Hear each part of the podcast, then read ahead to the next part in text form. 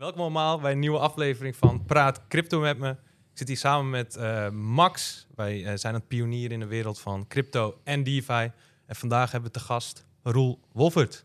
We gaan het vandaag hebben over onder andere tokenized assets. Wat het precies is, wat het betekent. En we gaan natuurlijk even wat uh, een breder gesprek houden over blockchain, crypto. En ja, wat jou daarin bezighoudt. En ook een beetje wat jouw achtergrond is. Want het is natuurlijk heel interessant om er even over te praten. Dus ben benieuwd. Ja, dankjewel. Ja, uh, heel fijn om hier te zijn. Uh, dat is alweer een hele reis, hè? Mijn, carrière. Ik ben ooit begonnen in 1997. Uh, ja, in de IT, gewoon COBOL programmeren. In bankaire systemen, betalingsverkeerssystemen. dat heel lang gedaan over de hele wereld. en ik ben onder andere een van de mensen achter Ideal, in Nederland wel bekend. En later in directiepositie bij Visa ook heel veel verantwoordelijkheden gehad omtrent uh, data monetization. Uh, hoe maken we van data verdienmodellen. En uh, ook contactloos betalen onder de hoede gehad. En e-wallets, andere producten. Ik denk dat dat het meest tastbare is voor de mensen die zitten te luisteren. Maar ik heb eigenlijk in landen geacteerd. Hè. Wij bouwden betaalsystemen in Irak na de oorlog. Uh, in Georgië, uh, centrale banksystemen.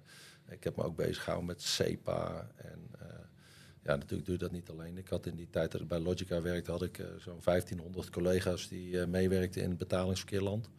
Um, ja, dus ik heb wel het nodige gezien op dat vlak. En ja, ik heb op een gegeven moment stap gemaakt. Van Visa ben ik gaan ondernemen. En ik had in mijn visa-tijd, uh, toen ik daar begon, al wel gehoord van crypto en blockchain. Uh, en met name van Bitcoin, hè, want dat was op dat moment denk ik uh, de conversation. waar wij binnen Visa natuurlijk niet heel veel over mochten praten. Nee. want dat was allemaal niks. Um, maar het had wel mijn interesse. En toen ik weg ben gaan bij Visa, voor, voor mezelf te beginnen, ben ik eigenlijk gelijk in alternatief geld gedoken. En dus ook in Bitcoin en allerlei projecten gedaan. Uh, grote ICO's eh, begeleid, uh, wat advieswerk gedaan bij Ripple, Bancor, ja, en zo de security token wereld ingerold. En ja, vandaag de dag, ik ben nog steeds ondernemer, ook in de wereld van blockchain en security tokens. En ik geef nog les aan de universiteit op het gebied van fintech en blockchain. En in een hele mooie universiteit in het zonnige, vriendelijke Porto. Juist, want ik hoor, uh, je hebt dus eh, mede Ideal ontwikkeld. Nou, Ideal heeft helemaal Nederland eigenlijk veroverd. Ja. Nou, Visa is natuurlijk het internationale betalingssysteem. En je zei SEPA, dat gaat over automatische incasso's, hè? Ja, automatische incasso's, maar ook uh, eigenlijk alle banktransfers die je in internetbankieren tegenkomt. Okay. Dus als je betaling doet naar iemand, is SEPA transfer. Ja. Als je een incasso doet, is een SEPA direct debit. Ja, dat geldt dus door heel Europa. En we hebben toen in de tijd een aantal systemen gebouwd voor banken, uh, maar ook het pan-Europese testnetwerk en testframework voor SEPA uh, neergezet. Dus ja, dan kom je in de itchy-gritchy uh, details van de krochten van het betalingsverkeer, zoals we dat dan noemen. Om daar even op in te haken, want je had het natuurlijk over betaalnetwerken. Je hebt verschillende systemen gebouwd. Um, ik hoor je net zeggen betaalsystemen, mechanismen ook voor banken. Maar kun je misschien heel kort uitleggen, zeg maar, je hebt wereldwijde betaaldnetwerken. En dan even naar beneden, zeg maar. Wat zijn nou de, de connecties, zeg maar? Hoe, hoe moeten mensen dat, dat zien? Mensen kennen wel Swift. Weet je, wij kennen ook Swift, maar naast Swift zijn er nog heel veel andere systemen. En even heel simpel hoe die systemen met elkaar samenwerken en waar dat dan een beetje eindigt, zeg maar. Waar zit dan Ideal in zo'n keten onderaan de piramide, denk ik ergens? En, en top level heb je natuurlijk andere systemen ja. voor. Kijk, dit is eigenlijk, hè, net zoals heel veel uh, technologie in de wereld, wordt dat ontwikkeld onder druk van de oorlog. Dus in de Tweede Wereldoorlog moesten soldaten betaald worden uh, die uit Amerika kwamen, die hier gingen vechten. En die kregen uh, American Express, de zogenaamde traveler checks. dat was natuurlijk allemaal papier. En later werden daar kaartjes van gemaakt, plastic kaarten, voor mensen die gingen reizen. Nou, daar hoorde dan een netwerk bij waar alle hotels en restaurants op werden aangesloten. En dan konden die mensen hoefden geen grote enveloppen met geld meer mee te nemen als ze vier weken op zakenreis gingen. Want in die tijd vloog je niet zomaar even van de ene kant uh, van New York naar San Francisco of zo. Dan, mensen pakten een bustrip en, uh, of met allerlei vervoer. En dan hadden ze een hoop geld bij zich. Want ja, je kon niet zomaar bij elke bank even geld ophalen. Ehm, nou, langzamerhand is daar een netwerk omgericht. Dus dat noemen we dan zeg maar het consumentennetwerk. Hè. Dus daar kwam Visa eh, bij vanuit Amerika en vanuit Europa had je Eurocard, Mastercard, wat als equivalent werd opgericht. Dat is vandaag de dag dan Mastercard en ook weer een Amerikaans bedrijf geworden. Ehm, dus dat zijn zeg maar de twee, drie grote retailnetwerken. Want uh, je hebt nu ook uh, UnionPay. Dus dat is het schema uit China. Dus dat zijn eigenlijk de drie grote Visa, Mastercard en UnionPay die die wereld domineren van consumentenbetalingen. Dan heb je de zakelijke netwerken. En heel veel landen hebben op een gegeven moment om het zakelijk betalingsverkeer te faciliteren. Tussen al die banken, er zijn ongeveer 25.000 banken wereldwijd, dus er zijn er echt wel veel. Uh, die moeten allemaal met elkaar bedragen gaan uitwisselen. Nou, een van de initiatieven was toen SWIFT. Uh, eind jaren 60, begin jaren 70 is dat uh, project uitgestart. En met het SWIFT-netwerk kunnen banken met elkaar betalingen uitwisselen. Nou, dan praten we eigenlijk al over historie, want die creditcardmaatschappij begon in de jaren 40, 50, 60 kwam dat allemaal op. Nou, Swift kwam dan in de jaren 60, 70 erbij. En toen kreeg je in Nederland bedrijven als Interpay, wat vandaag de dag uh, is. En dat is onderdeel van de firma Worldline. Dus ja, alles is doorgegroeid. En ja, mensen vragen mij dan wel eens van ja, maar in Bitcoin-wereld of in de crypto-wereld kunnen wij dat beter en sneller. Nou, dat vind ik altijd heel interessant, hè, want als je kijkt naar de ontwikkelingen op dit moment, dan zie je dat ja, eigenlijk de, de ledgers die er zijn uh, nog steeds niet goed genoeg zijn om traditioneel betalingsverkeer eigenlijk qua kosten of qua snelheid of risicomanagement te benaderen. Nou, daar komen wel zeker, uh, worden grote stappen gezet. Hè. Dus we zien natuurlijk steeds meer pick-up. Nu wij hier zitten interviewen, ik vertelde het net, kom net van Money 2020 af in Amsterdam. Ja, en daar zie je toch ook al wel weer dat er uh, echt wel weer voortgang geboekt wordt. Maar we moeten nooit vergeten dat die betaalinfrastructuren die wij nu, uh, bij wijze van spreken, hè, als Swift, waarvan zeggen, ja, maar dat is allemaal niet meer zo goed, dat voldoet niet meer. Ja, maar dat, dat, dat heeft wel 50, 60 jaar lang geweldige functie vervuld in het ja, interlinken van al die landjes en al die betalingen, die banksystemen voor al die bedrijven om zaken te kunnen gaan doen wereldwijd. En ook zekerheid te hebben uh, en, en, een bepaalde vorm van gemak. Dat je geld kunt overboeken of kunt ontvangen. Nou, uh, ik denk dat dat uh, essentieel is. Hè. Dus als je kijkt waar past Ideal daarin. Ja, Ideal, toen we dat oprichten, was dat natuurlijk ja, dat super interessante tijden om even wat, wat te geven. Een hoop banken dachten van ja, Ideal, dat zal wel niks worden. Want we hadden net chip chip knip achter de rug en allemaal van dat soort drama's. in de sector, ja, heel veel geld in gegaan, nooit echt iets opgeleverd. Hè, en ook nooit echt geaccepteerd door de consumenten of door de bedrijven. En uh, met Ideal waren de verwachtingen ja, om de Accept Giro te gaan vervangen. Nou, ik denk dat dat wel gelukt is, want ik denk dat de meeste van de luisteraars niet eens meer weten wat een Accept Giro nee, is. staat er nog wel altijd op, Accept Giro, dat je ermee kan betalen, maar... ehm, In webshops is het eigenlijk altijd Ideal. Ja, dat is gewoon Ideal en dat is de de facto standaard. Nou, wat je nu ziet, voor degenen die het niet weten, Ideal is uh, verkocht aan AP, de European Payments Initiative. En daarmee wordt Ideal ook een pan-Europees uh, betaalmiddel uh, de komende jaren. Ik denk dat dat goed is, hè? want ja, niet, niet voor mezelf, maar ik denk toch dat Ideal een van de gemakkelijkste, simpelste manieren is voor een consument om te betalen, maar vooral ook voor een, een winkelier hè, online of, of in de fysieke wereld een goedkope, effectieve manier is om betaling te ontvangen zonder risico. En ja, wat bedoel je daarmee? Hè? In, in de wereld van betalingsverkeer aan de achterkant hebben we altijd T plus 1, T plus 2, T plus 3 gezien. Oftewel, mm -hmm. hè, ik initieer de transactie en het heeft 1, 2 of 3 dagen nodig voordat die uh, gesetteld is. En voor degenen die het nog weten, kijk, 15 jaar geleden bestelde je iets online en dan lag het 10 dagen later bij je in de bus. Maar uh, het feit dat Coolblue uh, dezelfde dag kan leveren, is onder meer te danken aan het feit dat Ideal gekomen is. Want ja, zonder Ideal had die winkelier de garantie niet dat hij zijn geld zou krijgen. Kon hij dus ook de spullen niet versturen. Nou, ik denk dat dat mooie ontwikkelingen zijn. los daarvan dat, ja, kijk, net zoals met elke uitvinding, hè, of het nou buskruid is of het gaat over Ideal of contactloos betalen. Ineens komt er iemand die zegt van ja, bijvoorbeeld, wij kunnen alle cash vervangen. Nou, dat, dat, dat is niet waar Ideal of contactloos betalen voor gemaakt is. Nee. Hè, cash heeft een andere functie in de maatschappij. Maar goed, dat, dat zijn allemaal dat is continue beweging. eh, van een innovatie en dan wordt iets opgepakt. Dat zien we ook in crypto, de, de, eerste crypto-projecten. Ik denk, dat was uh, heel cowboy-alike. Let's go, we zetten een idee op papier en we zetten het op het internet en we doen een ICO. En we halen geld op. Nou, dan kwam er nog geld ook. In eerste instantie kwam er een hoop geld uit de criminele hoeken. moeten we vooral niet vergeten. Want er was nog geen KYC en, en, een hoop criminelen die op die manier probeerden grip te krijgen op eh, bedrijven of nieuwe projecten, geldwitwassen.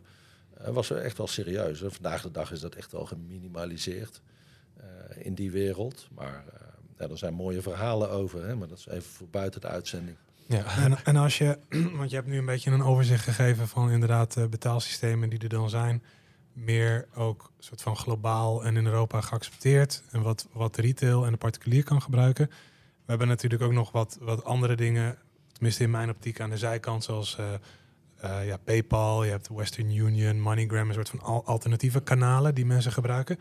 Maar wat ik voornamelijk ook wel interessant vind en waarom veel mensen misschien ook in crypto denken van, joh, dit is toch een, een oplossing voor een bepaalde problematiek die ze zien. En dan heb je het over fees, dus transactiekosten. Uh, hoe zie jij de verschillende schakels in al die systemen?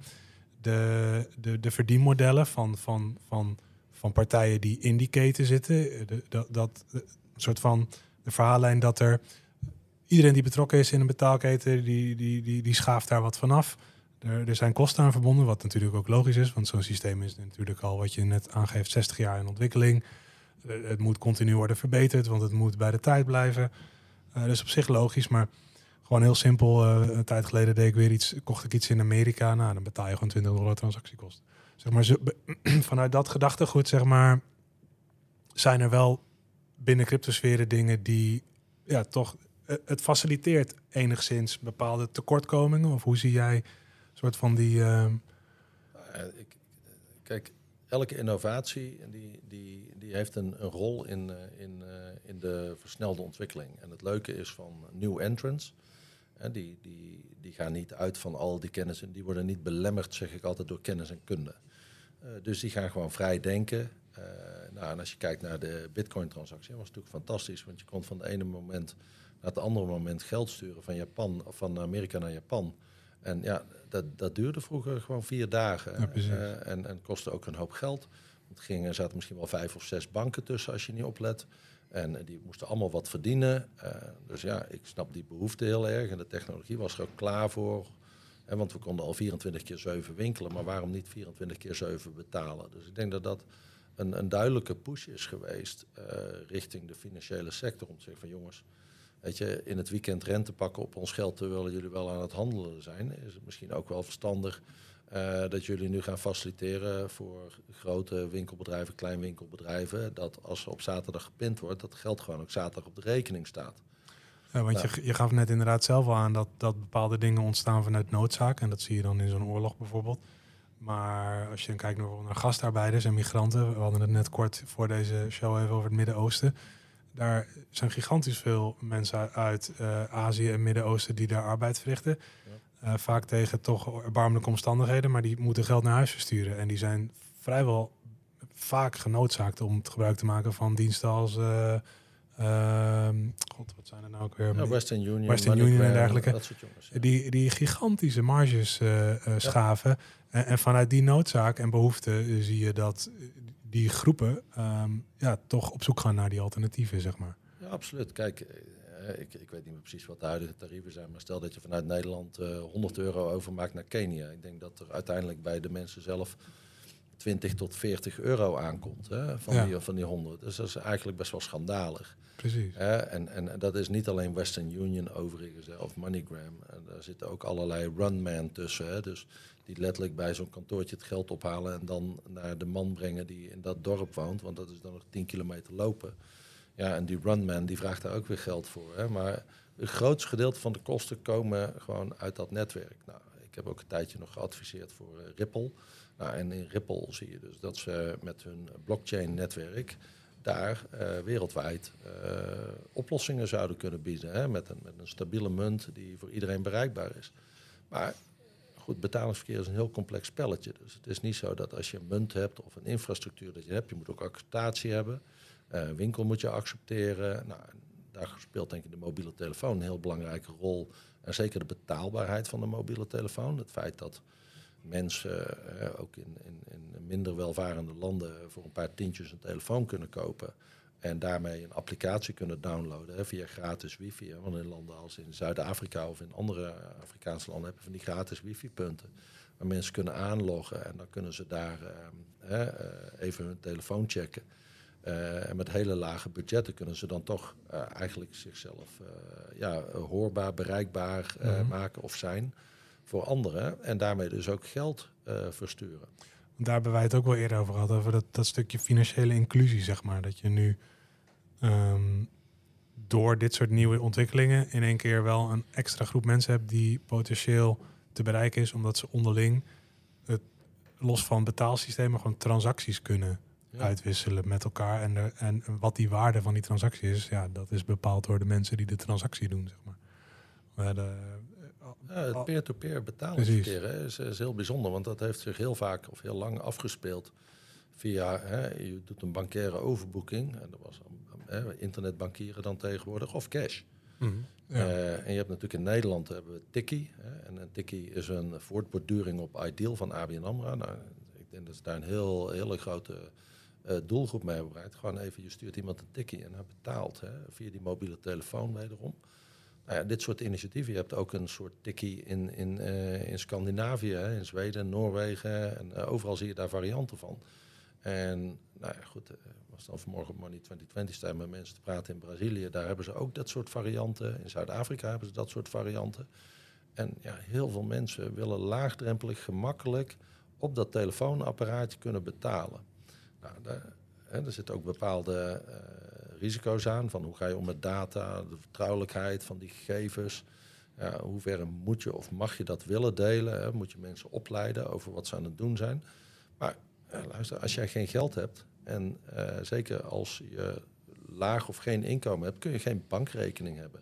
Mm Nou, als je geen bankrekening hebt, dat is natuurlijk een, een uh, vaak een juridische zaak. Hè, dus als je bijvoorbeeld in België kijkt, dan uh, zijn banken verplicht ook aan mensen zonder inkomen die het niet kunnen betalen, een bankrekening ter beschikking te stellen.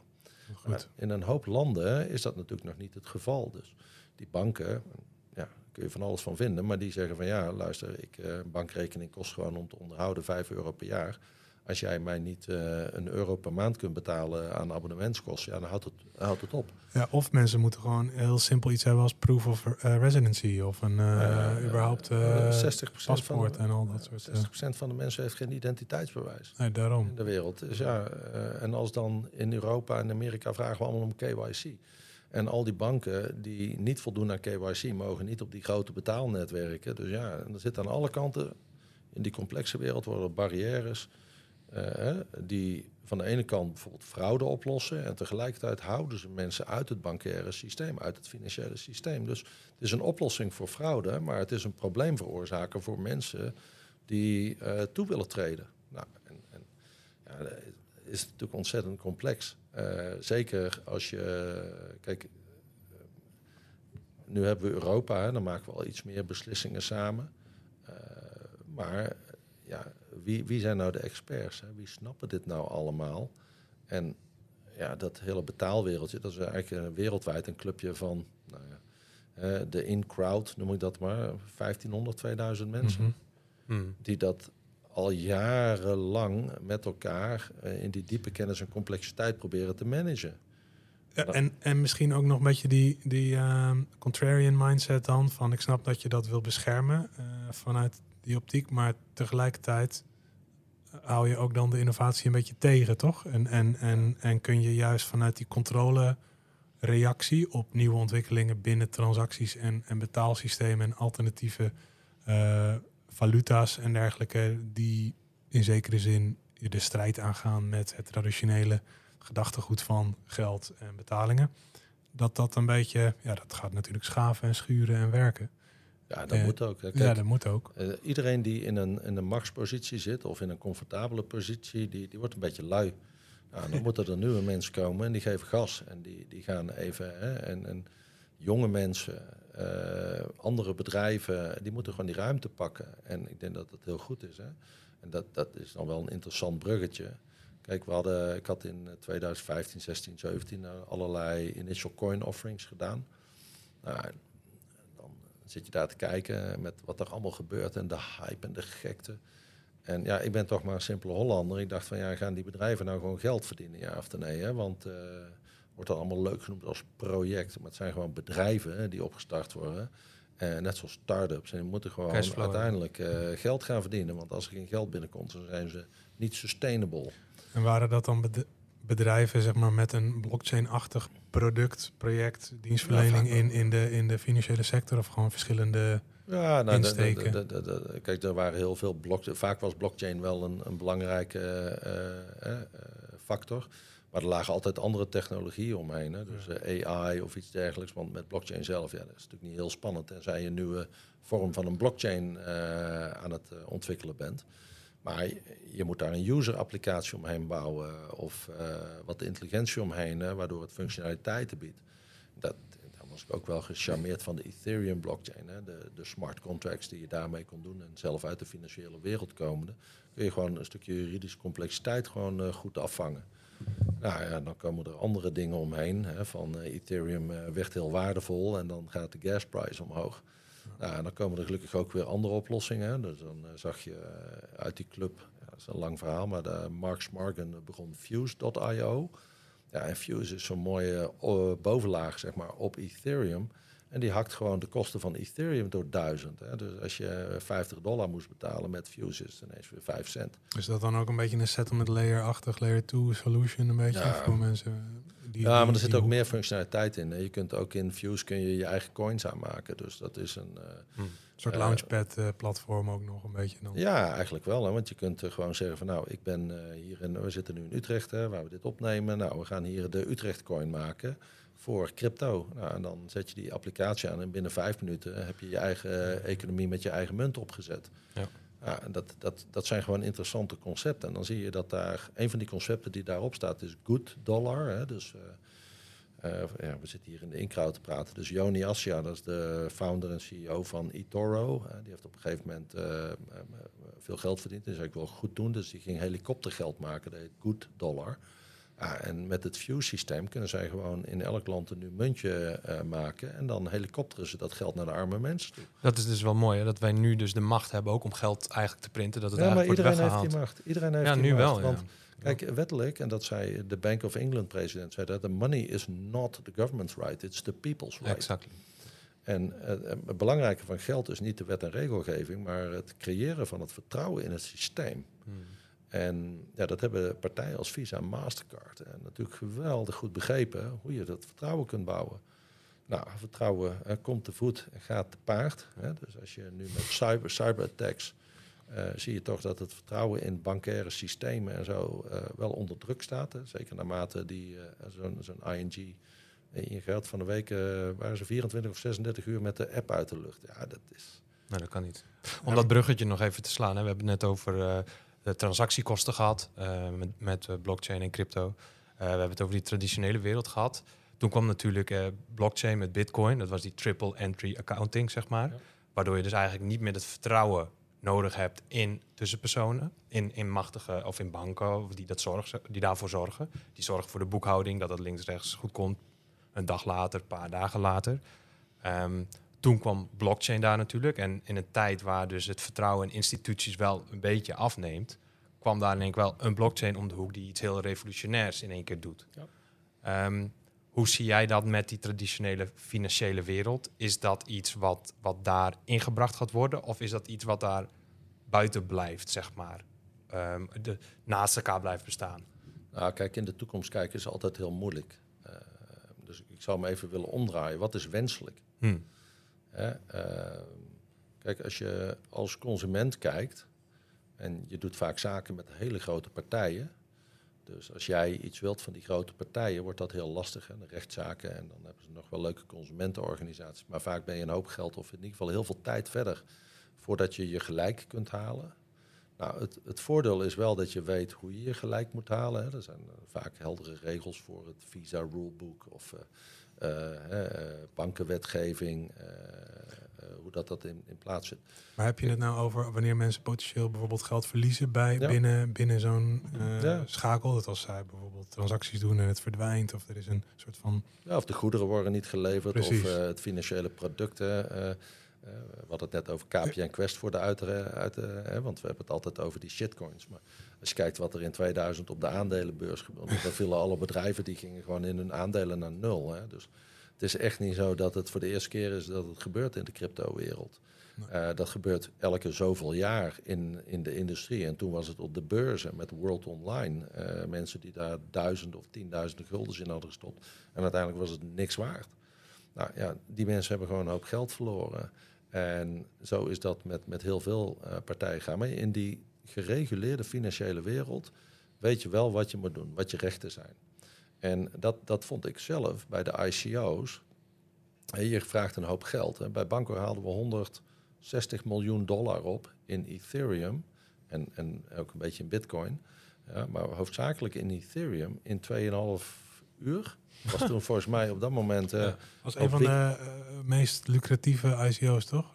Ja, Volgens want mij. die, die Ethereum die ging ehm, eh, naar 1000 euro tegen het einde van het jaar. Dan had je bijna een miljard hè, Ja, je hebt bij- en, in en, tegenwaarde. ja, je hebt en je, je waarde op het moment dat mensen het natuurlijk storten, plus je appreciation van eventueel de assets die mensen dan storten ook nog. Ja, exact. En, en, en die Ethereum die ging van een paar honderd euro naar 1000 euro. En, en daarmee, als je, hè, dus we hadden niet alles geliquideerd in dollars, om het maar zo te zeggen. Dus dat was een hoop geld. Dat was ook nodig, hè, want het was gewoon, Banco was gewoon een idee gebaseerd op concepten die uitgeprobeerd waren. En dat heette dan Appcoin en dat was een project in Israël en daar is dat op gebaseerd.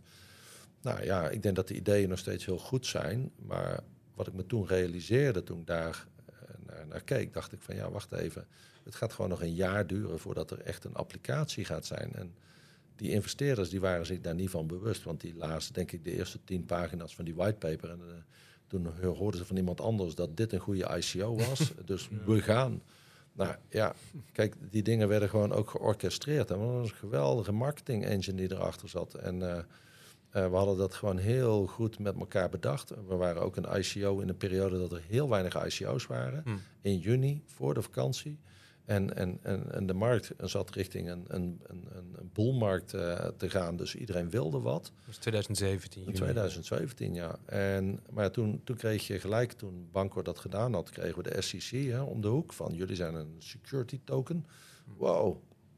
En dan gebeurt er wel wat, hè. Ehm, en eh, ja, toen ging ik er ook wel steeds meer nadenken. Ik denk van ja, er wordt wel eenzijdig heel veel geld opgehaald, maar die consumenten, die geld, met name die kleine investeerders, die grote investeerders weten wel wat ze doen. Hè? Pump en dump en die, die regelen alles in hun voordeel. Uh, maar met name de kleine investeerders denk je van, oh jongens, wacht even. Uh, hoe gaan we die kleine man nou beschermen? En toen hebben we het idee opgevat uh, met een aantal mensen hier in Nederland en onder meer Herman Visia van de firma Bilex. Dus zijn we samen gaan zitten en zeggen we gaan een aandeel op de blockchain zetten. Nou, dus dan hebben we een BV opgericht boven het bedrijf van Herman, Bilex. En daar zit een stichting administratiekantoor boven. En dit is letterlijk de constructie zoals bedrijven naar Euronext gaan. Hè? Alleen dan niet met een BV, maar met een NV. Uh, Euronext, even... Ja, de beurs. Okay. De beursgang. Hè? Dus dat gebeurt allemaal via uh, NV's, naamloze vernootschatten en stichting administratiekantoor. Want in een stichting administratiekantoor kun je een aandeel certificeren. Nou, dat vonden we machtig interessant. En toen hebben we, was het 5 december of zo, op Crypto Space in Moskou. En dat zat tegenover de centrale bank, hadden we daar een grote conferentie. Hadden zo'n zaaltje en we hadden natuurlijk helemaal geen, uh, geen mensen. En we hadden een mooi verhaal gemaakt over de Verenigde Oost-Indische Compagnie.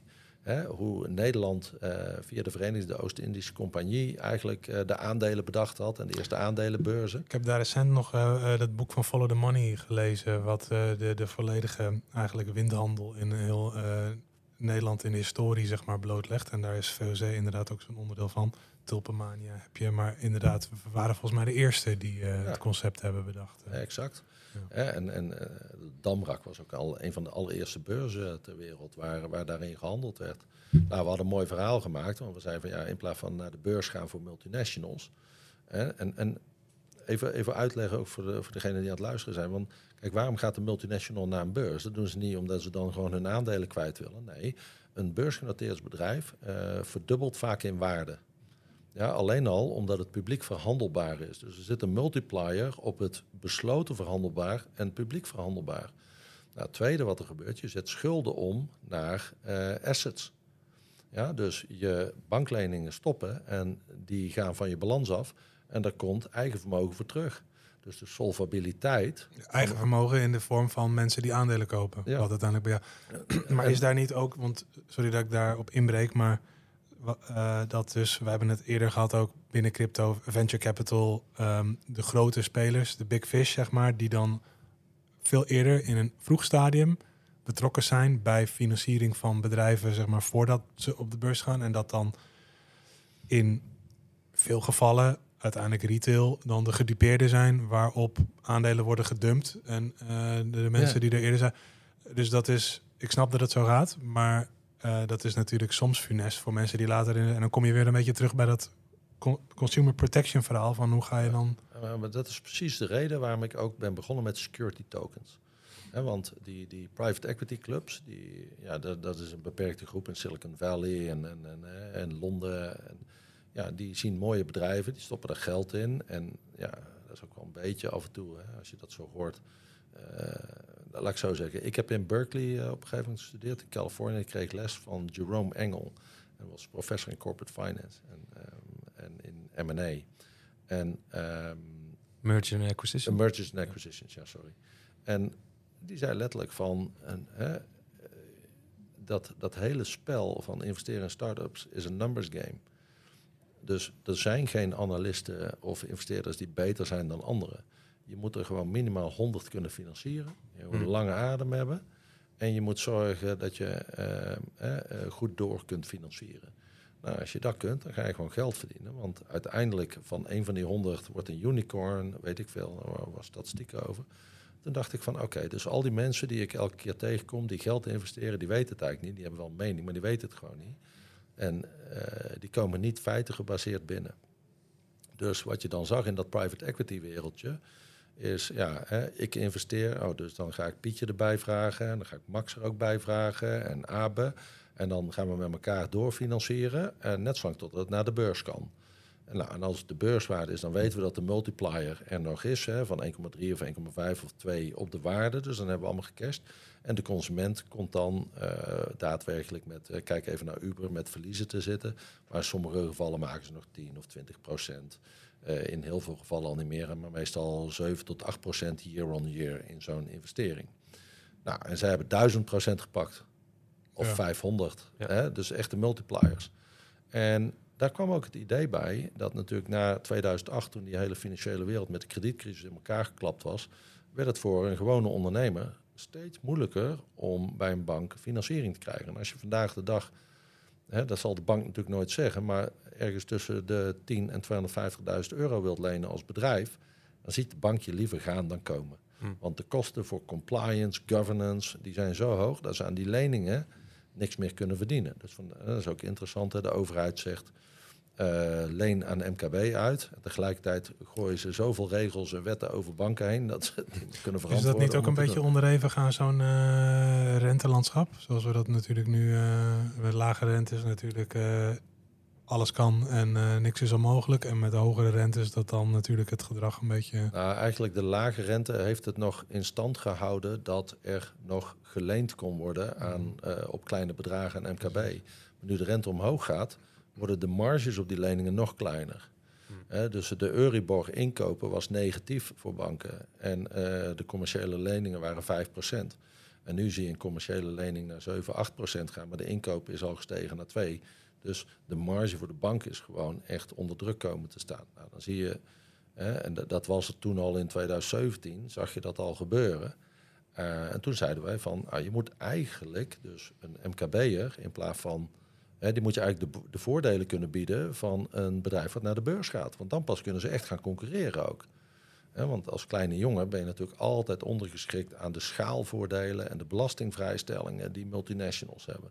Nou, als we op dat financieringsvlak nou kunnen zorgen dat je tegen dezelfde goedkope kosten als een multinational kunt financieren voor een fractie van de beursgang, dan hebben we wat te pakken. Nou, dat zijn we gaan doen. Dus toen hebben we in 2017 Bilex via de zogenaamde buy shares op de blockchain gezet. de AFM, die uh, stuurden wij een berichtje van hier is het investment memorandum van Bilex. En dit zijn tokens en die gaan mensen kopen. En dat zijn aandelen. En toen was het even stil aan de AFM-kant. En toen zei ze, wij zijn geïnteresseerd, wij gaan meeluisteren, meekijken. Oh ja. Als pioniers eigenlijk in ja. de... En, en, en uh, Bilex, even, is dat, was dat dan zeg maar een, een, een manier om dat voor alle MKB of voor alle... Uh, of was dat al iets specifieks? Of was dat nee, dat, dat was gewoon het idee. Hè? En, en Herman en ik hadden dat idee. En Bilex was zijn IT-bedrijf.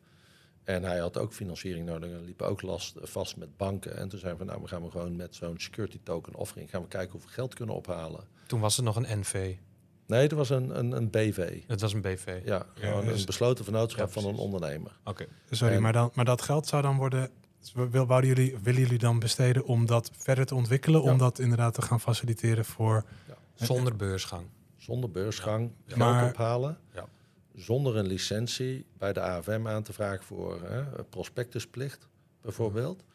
Nou, en dat is allemaal gelukt. En, en je ziet nu ook dat dat een, een, behoorlijke markt aan het worden is. Hè, want je mag in Nederland eigenlijk tot 5 miljoen euro per 12 maanden ophalen voor één bedrijf via een uh, aandelenemissie, waarbij je zelf je aandelen verkoopt aan een gekwalificeerde investeerder. En dan bedoel ik niet een professionele investeerder, maar gewoon any investor. Hm. Zolang als je maar door de whitelisting, oftewel de KYC-procedure heen en, en, Want nu zijn we volgens mij in het uh, tokenized uh, security asset verhaal ja. achtergekomen.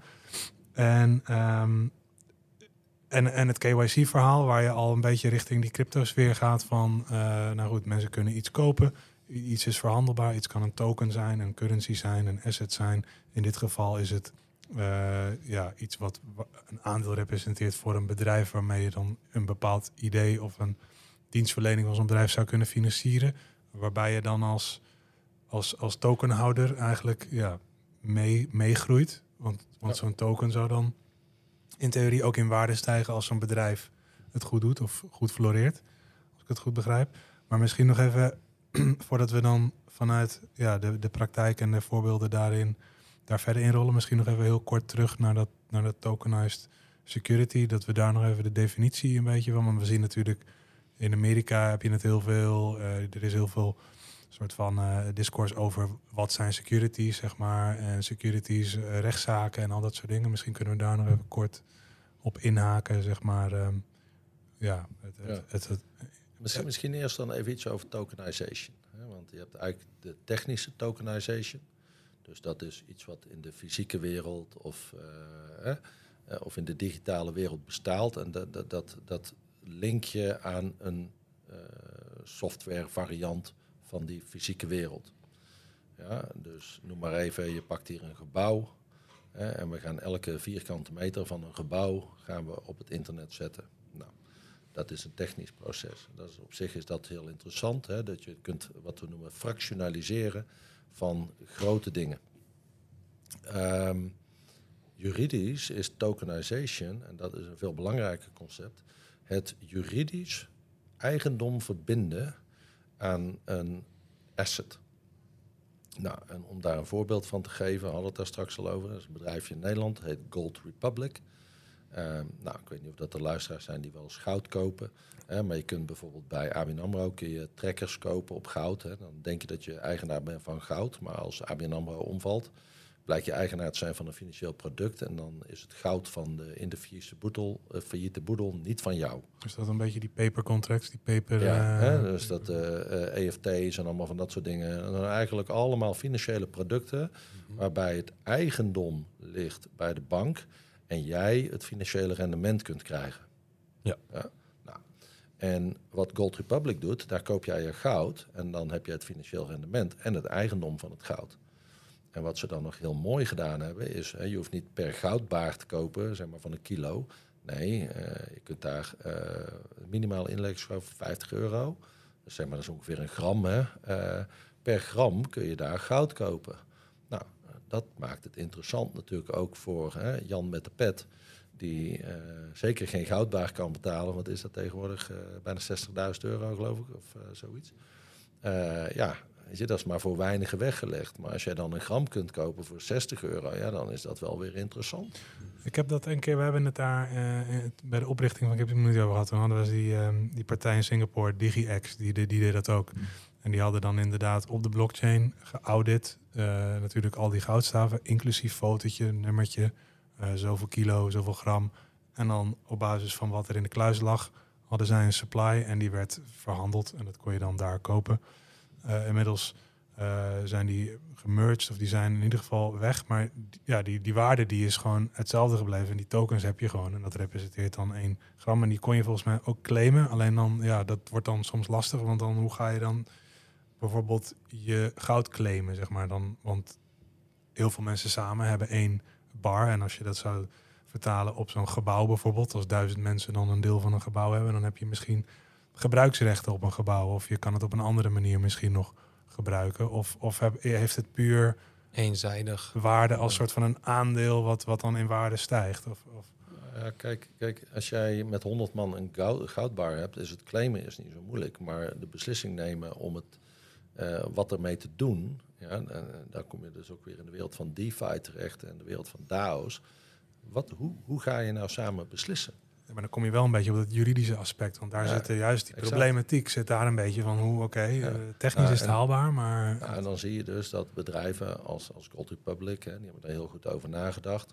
Nou, die, die leggen hun goud bij derde partijen neer. Ik geloof Amsterdam, Frankfurt, Zurich. Eh, en ja, die partijen zijn ook bereid gevonden hè, dat als jij daar twee gram hebt, dat jij gewoon twee gram kunt afnemen. Hè, dus kun je ook letterlijk bij jou thuis laten bezorgen. Oh, Ja. Nou, en en dat, dat is dan natuurlijk toch interessant. Hoewel ik raad niemand aan om goud thuis te leggen. Hè, want eh, eh, dat is ook eh, een behoorlijk risico. ook al denken mensen dat dat niet zo is. De inbraken nemen weer toe. Maar je zegt dus Gold Republic heeft dus eigenlijk al zijn goud, dus asset, getokenized. Ja, en die hebben helemaal... Kijk, want tokenization wordt altijd gekoppeld aan blockchain. Ja, Maar dat is dus helemaal niet nodig. Hè, want zij werken gewoon met een database systeem. is daar niet te groot... Ja, een blockchain is ook een database, in principe. Ja, oké, maar laten we het dan zo zeggen met traditionele technologie. Mm. Tokenization is een juridisch proces. Ja. En je hebt dus een juridisch raamwerk nodig in een land of in een regio waar dat mogelijk wordt gemaakt. Hè. Dus die wet die moet kloppen. Nou, en in Nederland hebben we dat goed geregeld. Nou, je ziet natuurlijk dat in die hele eh, wetgeving in Europa over crypto tokenization een heel belangrijk onderdeel is. En dat ook op Europees niveau daar steeds meer aandacht aan besteed wordt. Wat is nou het fractionaliseren? Ja, en waar zit die business case nou? nou eh, die business case, is misschien wel interessant. Kijk, ik weet niet, maar we hebben iets van eh, 16.000 eh, triljard aan assets vastzetten in eh, ja, bijvoorbeeld vastgoed, hè, big assets, dus die niet makkelijk liquide zijn. Nou, even heel kort gezegd, economische eh, eh, welvaart, hè, dus niet algemene welvaart, maar economische welvaart, is hoeveelheid geld maal omloopsnelheid. Als er een hoop vastgelegd wordt, en wij kijken hier eh, naar die kant toe, een paar hele grote gebouwen van de, wat is het, de Volksbank, ja, daar zit een hoop geld in vast. Dat is niet verhandelbaar. Dus dat betekent dat consumenten dat geld niet kunnen uitgeven, waarmee economische welvaart gecreëerd wordt. Nou, we lopen aan het einde dat we nog geld kunnen printen, hè, want er is zoveel geld geprint, eh, 3,2 keer meer dan in de kredietcrisis van 2008. Dus eh, oké, als we toen een kredietcrisis hadden, wat hadden we nu dan? Hè? Wat hebben we dan nu met 3,2 keer meer schuld dan in 2008? Eh, de planeet is niet ineens 3,2 keer groter geworden met onderliggende assets of zo. Dus nou, ergens gaat dat fout. En we moeten wel welvaart creëren, dus we moeten omloopsnelheid creëren. Mm. Nou, dat kunnen we niet meer doen door nu geld te creëren. Dus we moeten die assets moeten we verhandelbaar gaan maken. Nou, en daar speelt tokenization als concept, juridisch en technisch, een bijzonder interessante rol. Eh, want daarmee kun je het gebouw van de Volksbank of een boerderij bijvoorbeeld eigendom maken van de omwonenden. En daarmee dus ook de belangen van die omwonenden gaan behartigen. Hè, een boerderij kan dan bijvoorbeeld zeggen: jongens, hebben jullie liever kippenvlees of koeienvlees? Nou, wij willen kippenvlees. Oké, of een beetje kip en een beetje koe. Nou, en dan gaat die dan- boerderij zo op inspelen. is dat dan omdat zij een soort van mede-eigenaarschap eh, hebben? Of omdat zij dan een soort van, ja, je, je, je, je vertegenwoordigt dan met z'n allen, omdat jij dan fractioneel eigenaar zou zijn of fractioneel eh, soort van, ja, eh, zeggenschap hebt ergens in. Eh, dat, je daar, dat je daar ook sturing aan kan geven. Maar dat is ook hetzelfde concept dat je als je 10 euro 50 keer uitgeeft, zeg maar, dan heeft iedereen er profijt van. Ehm, Maar je hebt nu ook heel veel geld wat dan een soort van andere uitwegen zoekt. En dat zagen wij ook in die cryptomarkt. Dat, dat dan, omdat in traditioneel uh, sferen weinig rendement soms te behalen valt. En mensen op zoek zijn naar manieren om toch op een bepaalde manier dat geld te laten werken voor, voor ze. Of omdat je hebt natuurlijk inflatie en je hebt geldprinten en, en, en mensen, lonen stijgen niet mee. Nou goed, een beetje dat, die situatie dat mensen dan al gauw geneigd zijn om bijvoorbeeld alternatieven te zoeken. En dan kom je toevallig in zo'n crypto misschien terecht of in iets anders. Uh, Forex, uh, traditionele aandelen. Waar wel iets te halen valt, maar waar ook heel veel fouten gemaakt kunnen worden. En waar je gewoon inderdaad, uh, waar geld ook in een soort putje verdwijnt, waar het in één keer poef weg kan zijn, zeg maar. Denk aan al de shitcoins ja. en zo. als je datzelfde concept van snelheid en mensen met elkaar peer-to-peer -peer soort van dingen kunnen verhandelen in de fysieke wereld een beetje kan terugbrengen, dan is dat wel interessant, denk ik inderdaad. Ja, kijk, van geld kun je niet leven. Hè? Nee. Dus geld is een, van origine in de wereld gekomen als een middel om transacties te faciliteren. Dus het is een middel. Nou, hè, sinds uh, uh, de gouden standaard is losgelaten en er het stakeholder capitalisme is. Uh, door Milton Friedman was geloof ik in de jaren 70 gepredikt is dat kwartaalwinsten heilig zijn. Hè, is geld een doel geworden. Nou, dat, heeft grote maatschappelijke consequenties, zoals we nu zien. Want er is veel meer geld dan dat er assets zijn. Dus eigenlijk zijn we, zoals ik dat dan noem, wereldwijd technisch failliet. Dus dat het, het oppotten van geld, zeg maar, dat, dat fenomeen? Nou dat ja, kijk, al het geld komt in bepaalde... Uiteindelijk stroomt het allemaal naar Manhattan, zoek ik dan maar. Hè. Dus alle regeringen en zo, centrale banken... en vooral ook commerciële banken drunken geld. Hè, want 97% van het geld wordt gedrukt door commerciële banken... Bijvoorbeeld als er een hypotheek wordt uh, uh, gelanceerd hè, en iemand moet 4 ton leveren, één druk op de knop en er is 400.000 euro. Ja, die is er ineens bij. En als die prijzen stijgen, worden die, de hoeveelheden geld die gedrukt worden equivalent hoger. Nou, dat geld stroomt uiteindelijk, als je, uh, net zoals bij een rivier, naar het laagste punt. En het laagste punt is in dit geval, hè, zie je dat die wealthconcentratie bij grote multinationals, bij, bij grote aandeelhouders, miljardairs, oligarchen, biljonairs, geef ze een naam. Daar stroomt geld naartoe en daar stopt het met bewegen. Mm. Nou, en daardoor heeft het ook geen maatschappelijke waarde meer, maar wordt het opgepot. Ja. Nou, en dan gaan mensen dus uh, grond verkopen en dit. En dan krijg je dus een, een ja, een, een, onbalans in vermogen. Nou, dat leidt tot onvrede en uh, ja, een ja, hele cyclus. Dus die wealth gap, toch? Van ja. uh, die kloof. Die, ja. Kijk, en wat, wat daarin belangrijk is, want Kijk, waarom, waarom kijk dat, dat hele tokenization, eh, als juridisch, als technisch concept, is het super interessant. Maar wat doet het nou als je er commercieel naar gaat kijken? Dan zeg je van, wat is, uh, ik ben een MKB'er. Ja, en dan heeft Albert Heijn zo'n groot CRM-systeem en loyalty. En dan kun je nog zegeltjes krijgen of puntjes, airmiles, weten die shit allemaal. Uh, bonusmiles, geloof ik. Nou, Weet je, consumenten gaan daar nog in mee ook, hè, want dat is aantrekkelijk. Ze zijn in Nederland super populair. Als je ze nog op kon plakken, was het helemaal uh, wauw. stickers. Ja, stickers, ja. En, uh, maar nu, nu, nu heeft ineens die MKB, die heeft iets heel anders te pakken. Want die, ja, stel even, je bent een boerderij en je, en, en, je verkoopt jouw certificaatjes. Hè, en dan niet voor 1000 euro per stuk, maar zeg maar voor 25 euro per stuk. Want die blockchain-processen zijn zo effectief dat je op een heel laag bedrag die securities aan de man kunt brengen. Dus iedereen kan instappen voor 25 euro. Nou, dat zie je bijvoorbeeld bij bier, uh, brouwerijen of bij Nederland wijnen. Hè, die hebben een gedeelte van hun aandeel, aandeelkapitaal geplaatst bij hun klanten. Nou, wat gebeurt er met die klanten? Die klanten die kochten toch al die wijn. En die gaan ineens twee keer zoveel kopen, want ze zijn ook aandeelhouder. Dus wat we dan in economische termen customer lifetime value noemen, die schiet omhoog. Nou, waar wordt een beurswaardering op gedaan? Op customer lifetime value. Als je naar Uber kijkt of, of Amazon de, en, of Apple, customer lifetime value is een van de belangrijkste indicatoren waarop hun beurswaarde draait. Hm. Nou, als een boerderij dat kan, en die kan er beter dan de Albert Heijn, dan gaat iedereen weer zijn koetje, zijn kaasje en zijn dingetje kopen in de regio. Nou, dan ben je ook mede-eigenaar. Dus ga je dat promoten bij dorpsgenoten, stadgenoten, wijkgenoten. En iedereen gaat weer, of niet iedereen, maar een ja, maar, gedeelte van de mensen gaat weer die kant op. Dus Wat gebeurt er dan? Sorry, even afmaken. Dan wordt dat aandeel ook meer waard, dat token. Nou, wat dan het mooie is weer van blockchain, je hoeft dan niet alleen bijvoorbeeld in euro's dividenden uit te keren. Maar je kunt als boer ook nog zeggen van, nou weet je wat, ik, ik doe een beetje rendement in geld. Hè, want ik heb ook meer geld nodig bijvoorbeeld om te investeren. Maar ik heb nog wel, weet ik het, zoveel kazen over. En eh, dit en dit en dit. En ik maak een leuk event en doen we een oostfeest. En iedereen komt erbij. En we krijgen allemaal gratis eh, te eten en te drinken. En dan hebben ze een beetje dividend en een leuke dag. En dat is ook mooi. Ja, precies, want dat wou ik net zeggen. Van het stukje, je hebt dan. ehm, het- ik kan me voorstellen dat je niet in elk geval eh, het, het financiële rendement, zeg maar, voor mensen hoog in het vaandel staat, maar vaak wel, maar ook een stukje maatschappelijk rendement, zeg maar. Wat Ja. haal je eruit als gemeenschap? En is misschien hier ook wel even leuk om kort aan te haken op natuurlijk Society 4.0. Dat hebben we ook nog niet gedaan. Eh, die ook vanuit dat oogpunt een beetje opereert natuurlijk.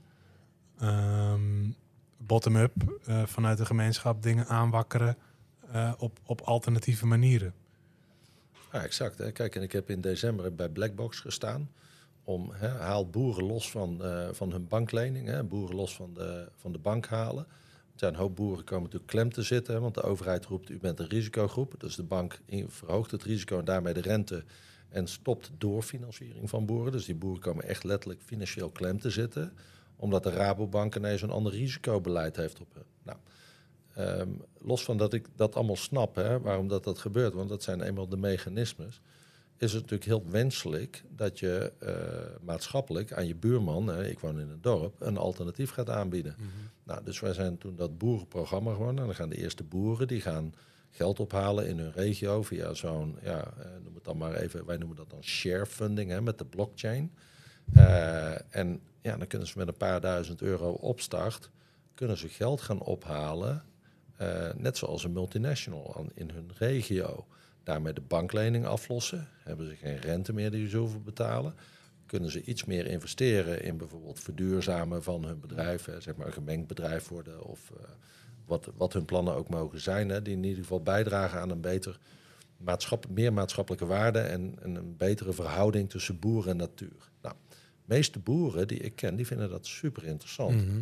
Want die willen helemaal geen 5000 mestkalveren eh, via Italië en Duitsland en een slachterij. En dat uiteindelijk, weet ik veel, ergens in, eh, in Zuid-Frankrijk opgegeten wordt. Dat is niet hun ding. Overigens zijn er ook boeren die dat prima vinden. Maar goed, dat dat, die moeten dan op een andere manier verder.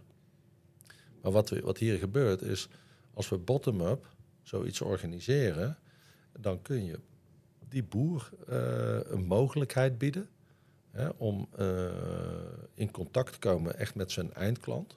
Dan halen we een heel stuk uit de waardeketen. Nou, als je iets uit de waardeketen haalt, dan haal je ook kosten uit de waardeketen. En wat blijkt dan? Dan kan die boer iets meer verdienen. En dan kan die consument tegen een soortgelijke prijs als in de supermarkt zijn betere product afhalen. Zonder dat dan bijvoorbeeld eh, de sperzieboontjes uit Kenia komen. Hè, maar dan komen de sperzieboontjes weer gewoon uit de buurt die bij Ja. jou op, eh, op je bord liggen. En dat is goed voor het milieu. Ja, ze kunnen ook weer een beetje onder het juk wegkomen van dus de, de, de, de, ja, de schuldeisers die op bepaalde rentementen eh, Je- je krijgt- verwachten. Je krijgt er wel een andere juk voor terug. Hè? Dat is namelijk je buurman. die bij jou een Ja, aandeel maar- heeft maar- en die zegt... hé, hey, vriend, eh, die melk is niet goed.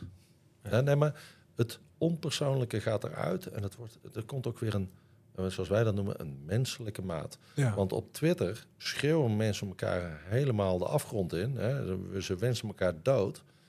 Maar ik zal je één ding vertellen. Als je bij mij op de stoep staat, op Twitter wensen ze me misschien dood. Maar als ze mij zien face-to-face, dan worden ze allemaal heel beleefd. En dat is niet omdat ik twee meter ben. Maar dat is gewoon omdat dat de mannelijke... Hè, de, de- de Jordan Peterson had daar een mooie verklaring voor. En mensen schelden elkaar verrot op het internet. Maar er is een natuurlijk instinct, bijvoorbeeld onder mannen. Je gaat elkaar niet belachelijk maken, want je kijkt en denkt, oh, die vent is eigenlijk best wel. eh, hè? Dat is gewoon, je instinct gaat gewoon reageren. Van ja, je hebt gewoon geen zin om die knal op je harses te krijgen. eh, als en je dat is ook een consequentie inderdaad. In de real life is dat een consequentie om een ram op je eh, hoofd te krijgen. En dat is online niet zo. Nee. En, en, en nog teruggaand op, de, op die boerderij zou je, en, en op tokenize helemaal. Ik ben ook nog even benieuwd naar dat Gold Republic, omdat wij natuurlijk heel erg vanuit die crypto, blockchain, altijd soms te diep daarin zitten. Jij zegt net van zo'n Gold Republic heeft niet echt per se een blockchain nodig, die doet het op een andere manier. Maar het hele idee van die blockchain is don't trust, verify. Je hebt dus een blockchain waardoor je niet meer de tussenpersoon hoeft eh, te vertrouwen als die goed is gebouwd. Hoe werkt dat dan op die andere manier? Want moet je dan nog steeds wel weer mensen daarvoor vertrouwen? Of zie je dat niet heel belangrijk in dat Kijk, tokenization? Gold Republic heeft een, eh, een, eh, een licentie, hè? dus die staan geregistreerd bij de DNB. Dus daar wordt dan op die manier vertrouwen in gebracht. Ja, met een toezichthouder. met een toezichthouder en, en audits, et cetera. Dus dat, dat ja, is een schaalbaar model. Maar wat natuurlijk heel interessant is in die blockchain-wereld, is non-custodial, eh, non-custodial wallets. Ja. Eh, en je zou eigenlijk hè, de People's Bank kunnen maken als iedereen een non-custodial wallet heeft. Mhm. En we bouwen, wij spreken een Bitcoin Lightning eh, systeem. Dan kan iedereen eh, met Bitcoin door heel Europa betalen en sparen zonder dat er een banklicentie voor nodig is. Ja. Nou, dan, maar dan kom je tegen acceptatiebarrières, het gebruik van technologie. En dan maak je mensen wel heel erg verantwoordelijk voor, eh, ja, wat als jij, om wat voor reden? Je krijgt morgen een auto-ongeluk, je bent bewusteloos, en je hebt geheugenverlies. Ja, Nee, er komt een stukje verantwoordelijkheid bij en eh, een risico. En maar je loopt, ook, je loopt heel gauw tegen dus van die onvoorziene problemen allemaal aan. Zeker. Als, je, als zoiets gebeurt, van, ja, hoe ga je dan daarmee om? En dan kom je ook alleen maar achter door trial and error. En door sandboxing, zeg maar. Eh, Zeker. gecontroleerde omgevingen. Die, ja, heel veel van die cryptobedrijven die trokken ook naar Azië. En naar landen waar, waar, waar, waar dingen wel mochten, zeg maar. Mocht Ja. je wel fouten maken. Maar in zo'n non-custodial wallet zou je dus inderdaad, als het op de blockchain wordt gezet, zou je dus peer-to-peer kunnen verhandelen. Dat zou het voordeel ervan zijn. In plaats van Nou, alleen bij een, een partij in dit geval, om dit even uit te diepen, bij die Ja. partij alleen te kunnen kopen en verkopen. En Kijk, dat die het. dat- er, is, eh, er zijn allerlei stappen. Hè? Dus de zogenaamde overdraagbaarheid. En dan heb je verhandelbaarheid. Hè? Dus eh, met eh, marktprijsmechanismes. Ehm, kijk, als jij binnen... eh, dan, dan zijn er twee manieren om dit te doen. Hè? De, overdraagbaarheid van een aandeel of een financieel product binnen eh, ja, bijvoorbeeld een besloten vennootschap. Hè? Dus een onderneming, kleine onderneming eh, is geregeld via het zogenaamde eh, first right of refusal. Dus als je meerdere aandeelhouders hebt in een bedrijf, dan is er vaak altijd van ja, als ik mijn aandelen wil verkopen, moet ik die eerst aanbieden aan mijn andere aandeelhouders. Nou, dat is juridisch geëmbed in de Nederlandse en ook in een groot aantal van de Europese landen. Dus dat betekent, als jij 500 investeerders hebt en jij wilt je aandelen kwijt, dan kunnen er 499 investeerders zonder tussenkomst of grote licenties of verhandelbaarheid, kunnen daar een bod op doen.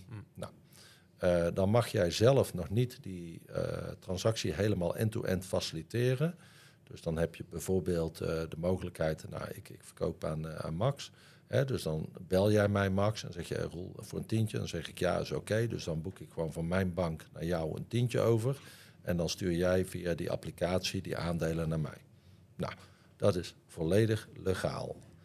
Nou, dan krijg je op een gegeven moment de discussie, wanneer is dat nou marktplaats? Is dat bij 500, bij 1000, bij 15.000? Waar, waar, waar begint dat? Nou, dus dat is dan, zal wat juridisch gesteggel opleveren. Maar ik denk als je naar het hè, marktplaats in Nederland kijkt, hè, oftewel eBay, daar zitten honderdduizenden mensen op. Dus je kunt daar denk ik een heel eind mee komen in een, in een juridisch eh, gesprek om daar 15, 20.000 mensen in zo'n bedrijf eh, te stoppen.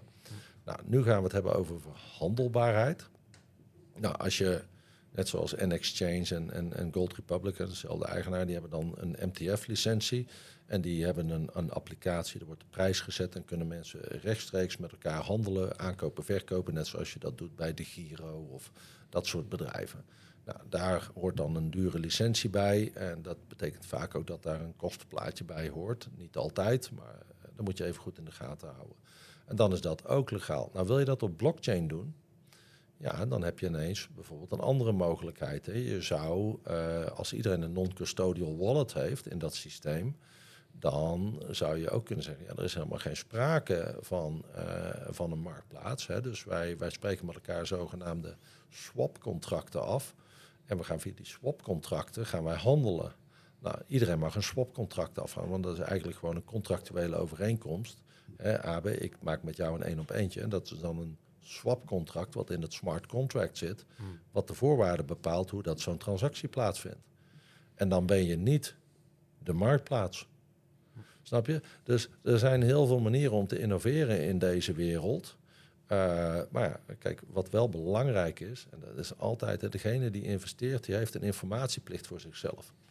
En dat is ook door de wet geregeld. Dus als jij in zo'n boerderij eh, investeert of in een wijnbedrijf of in, uh, weet ik veel, microbrewery of wat het ook mag zijn, uh, lees heel goed de voorwaarden. Want ik heb, je ziet het natuurlijk steeds meer gebeuren. En er was een, ik ga het bedrijf even niet noemen, dat is niet zo netjes. Maar die zat in de voedingsmiddelen, laten we het zo zeggen. Nou, en ik las die waardering. Kijk, en ik snap dat het een bijzonder sympathiek product was, wat ze, wat ze verkochten. Maar ik vond de waardering maal vier.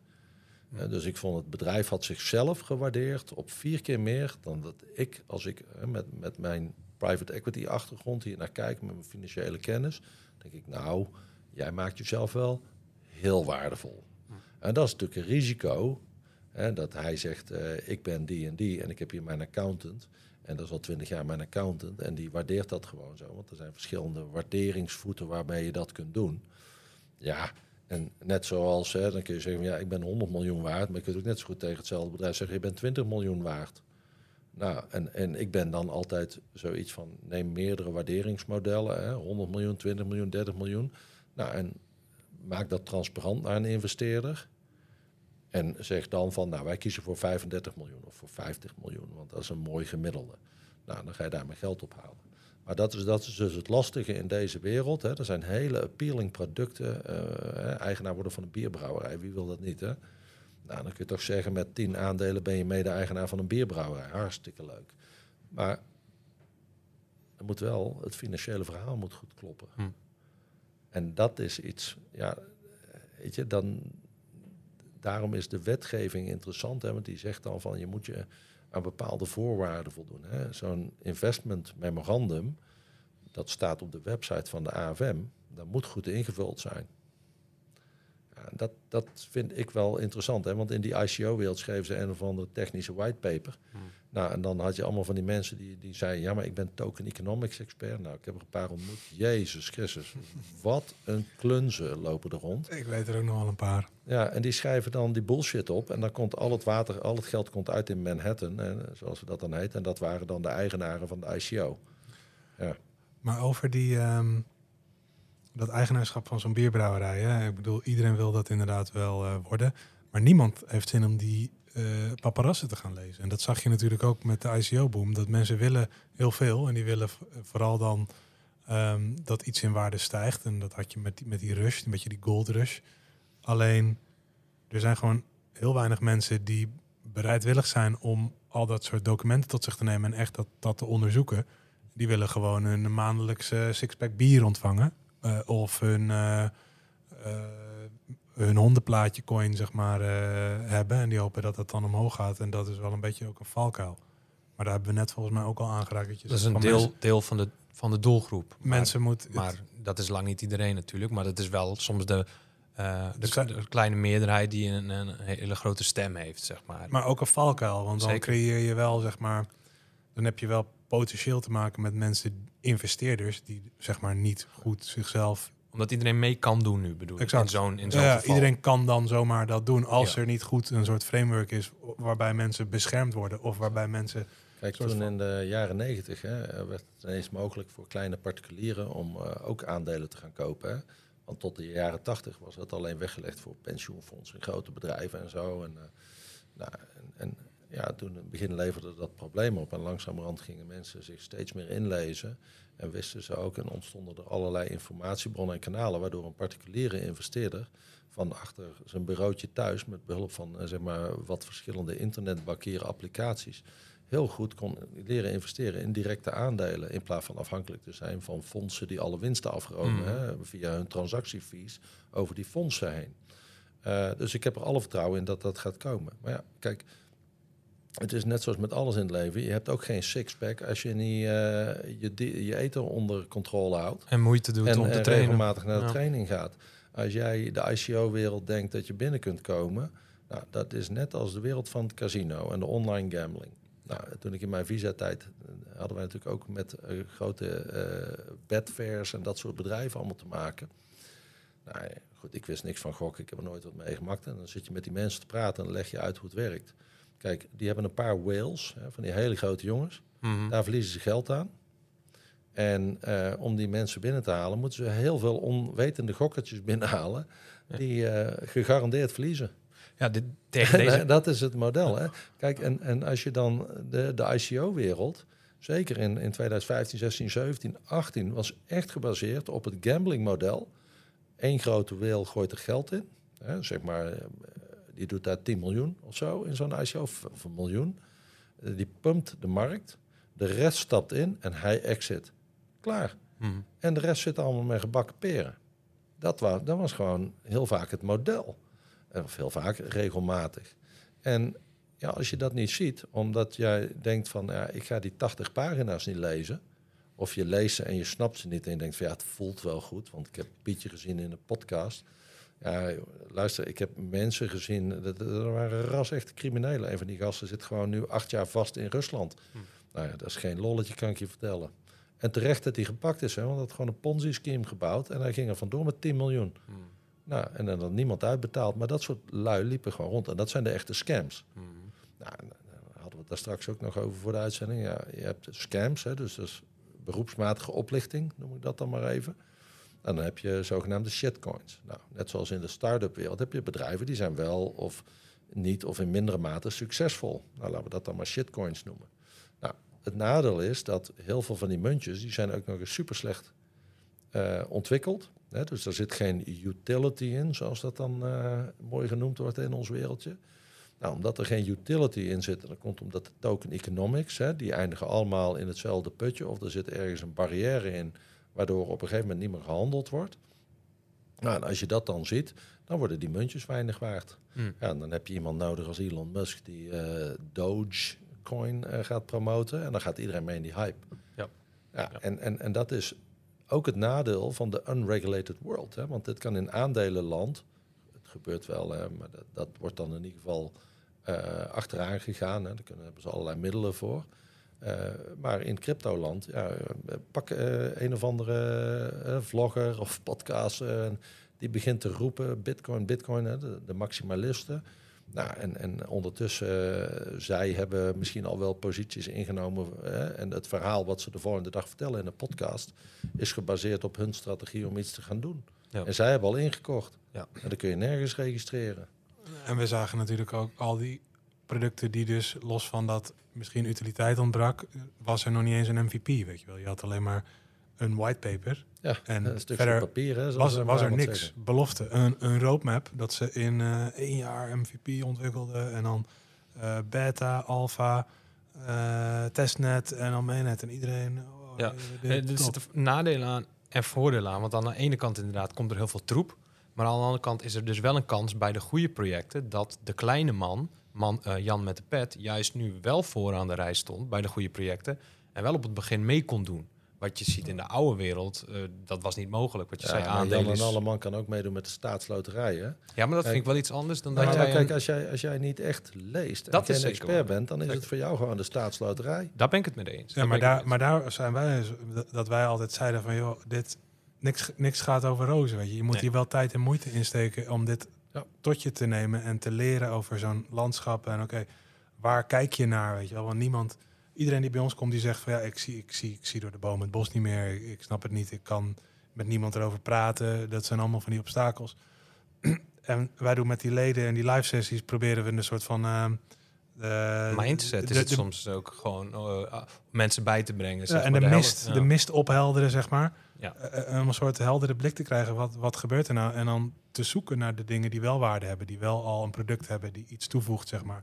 Eh, en die potentieel bottom-up iets toevoegen. eh, waar je dan in zo'n ander model, zoals de Site 4.0, zeg maar regionaal. Of dat de mensen die eh, draagkracht creëren in zo'n systeem. Of, of, of, of, of dus hun assets steken. Of hun tijd en, en middelen en resources, zeg maar, committen in een, in, een, in, een, in een protocol bijvoorbeeld. Dat die ook degene zijn die daar het profijt, zeg maar, eh, aan hebben. Eh, en als zoiets dan groeit, ja, dan creëer je als community waarde in, een, in een ding, in een project. En ja, dan moet je wel het kaf van het koren scheiden, zeg maar. En dat, dat kost gewoon tijd en Dat is moeite. heel interessant, hè? want kijk, wat is nou waarde? En in onze maatschappij waar wij eh, als doel hebben geld verdienen, wordt waarde uitgedrukt in geld. Dat is natuurlijk heel fout. Ja. Want waarde, hè, zoals we bij Mastercard zeggen, dit je met Mastercard en eh, hè, de rest, of eh, de, dit is liefde, een mooie emotiemomenten en de rest doe je met Mastercard. Dus de echt waardevolle dingen kun je niet kopen met Mastercard. Dat is eigenlijk wat ze zeggen. Hè, dat is eigenlijk een hele fout reclame als je, hem- als je hem even omdraait. Maar de realiteit is natuurlijk dat ik eh, veel meer geniet van een mooie dag of een mooi moment met mijn kinderen of met mijn vrouw. Ja, als mijn vrouw, mijn vrouw is kunstschilder, als ze een prachtig schilderij maakt, dan sta ik altijd weer, denk ik, even tranen in mijn ogen. Kan ik daarnaar kijken hoe zij in, in, in uren zoiets creëert. Dat je denkt van wauw, dat leeft. Hmm. Nou, en dat, dat, dat is dan waarde. En dat is dan niet eens dat schilderij, maar gewoon het moment en die journey hè, die, die plaats heeft gevonden, de emoties die daarbij horen. Nou, dat is niet in geld uit te drukken. Nou, hè, als je dan even concreet gaat naar, naar die boerderij. Kijk, aandeelhouder zijn in een boerderij en een leuk moment hebben is fantastisch. En als het dan nog een dividend uitbetaalt en een leuke oogstfeest geeft, is helemaal goed. Hè? Voor de luisteraars, graangeluk. Fantastisch bier, graangeluk.nl. Even kijken. En eh, doe daaraan mee. Altijd hartstikke mooi. Maar het allerbelangrijkste is van investeren in die boer. Of boeren, of, of in, in energie, in een regiocoöperatie. Is dat als dat avocado-bedrijf in Mexico geen avocado's meer levert, dat je naar je buurman loopt als je honger hebt en dat er nog wat aardappels liggen. Snap je? Ja. Want we hebben nu de, de, de graanschuurproblematiek gezien in de Oekraïne. Nou, het brood is een paar keer over de kop gegaan, eh, eh, geloof ik. En menig bank, bakkerij is ook over de kop gegaan door de gasprijzen. Kijk, dat, dat is echt de waarde. Dat je dus gewoon in je regio een goed lokaal product kunt kopen. Wat niet eh, belastend is voor het milieu en voor de omgeving. Wat eerlijk is. Misschien vind je ook nog belangrijk dat het biologisch is of veganistisch. Kan allemaal. Ja. En ja, dat is echte waarde. Goed eten. Ja, en niet dat het drie keer over de wereld gaat voordat het op jouw eh, bordje terechtkomt. Maar dat zijn ook wel veel problemen gecreëerd, zeg maar, door ehm, globalisatie, centralisatie, zeg maar. Die, die tracés die dan 60 jaar lopen, die dan in het begin je zoveel brengen. En dan nu, soort van zoveel jaar later, kom je er een beetje achter van, hey, dit heeft toch wel heel veel ongewenste neveneffecten. De, de, de, de, de algehele financialisatie van vrijwel alles. Mhm. Kijk, de, Eh. de, de industrie, want dat is natuurlijk het Society 4.0 verhaal. Hè. Je, je gaat van een feodale samenleving, hè, waar landeigenaren en voedselproductie centraal staat. In, in 1600 ga je naar een, een handelsrepubliek, hè, een handelsmaatschappij. Want die bootjes die wij de wereld overstuurden en die overal spullen haalden, dat bracht op een gegeven moment meer geld op dan het verbouwen van eten. Nou, en toen kwam de industriële revolutie. We zitten nu in dat industriële tijdsperk. En we gaan naar een digitaal tijdperk, een computertijdperk, waarbij computers de dominante vorm van waardecreatie zijn in deze wereld. Daar hoort ook een nieuwe maatschappelijke vorm bij. Kijk, in dat industriële tijdperk was het natuurlijk in de jaren 50, 60 hadden we een ultiem model. Hè? Je kon op één inkomen, kon je als Nederlandse man of vrouw een hypotheek nemen, je gezin verzorgen en op vakantie. Mhm. Nou, door, met name door eh, eh, het loslaten van de gouden standaard en de, de strijd tussen arbeid en kapitaal. eh, de afgelopen decennia zie je dat je tegenwoordig met twee inkomens nog niet rond kunt komen. Hè? Zeker niet in grote steden waar vastgoedprijzen en huurprijzen en, en alles eigenlijk through the roof gaat. Nou ja, dat, dat is natuurlijk, hè, dan hebben we weliswaar een lage, lage werkloosheid, maar niemand kan meer leven, ook al heb je een baan. Eh, dat is een super interessant fenomeen, hè, is ongekend in onze historie. Maar daarmee zie je ook dat het tijdperk op het einde is. En ja, je weet ook dat Society 4.0 heb opgericht met Bob de Wit, hè, professor Nijrode. En dan zit ik toch vaak met Bob en dan zeg ik van, kijk, ik ben een technologieman. Ik zeg met diezelfde technologie die die industrialisatie of die digitalisatie veroorzaakt en die globalisatie kun je ook juist lokalisatie doen. Mhm. Dus met 3D-printen hoeven we niet meer spullen te halen uit eh, allerlei landen. Eh, maar zet je gewoon een printertje neer in de regio en je print een spijkerbroek uit. Dan hoeven we dat niet te outsourcen naar India, waar de indigo alle ri- rivieren vervuilt. Hè. Die in Nederland of in Europa is dat indigo, hè, dat is die inkt in die spijkerbroek, is verboden. Want dat is super toxic. Nou ja, ehm, weet je, dus we outsourcen het naar India, dan gaan mensen daar dood en dan kunnen wij hier spijkerbroek kopen. Maar met die 3D-printen heb je het gewoon hier bij de hand.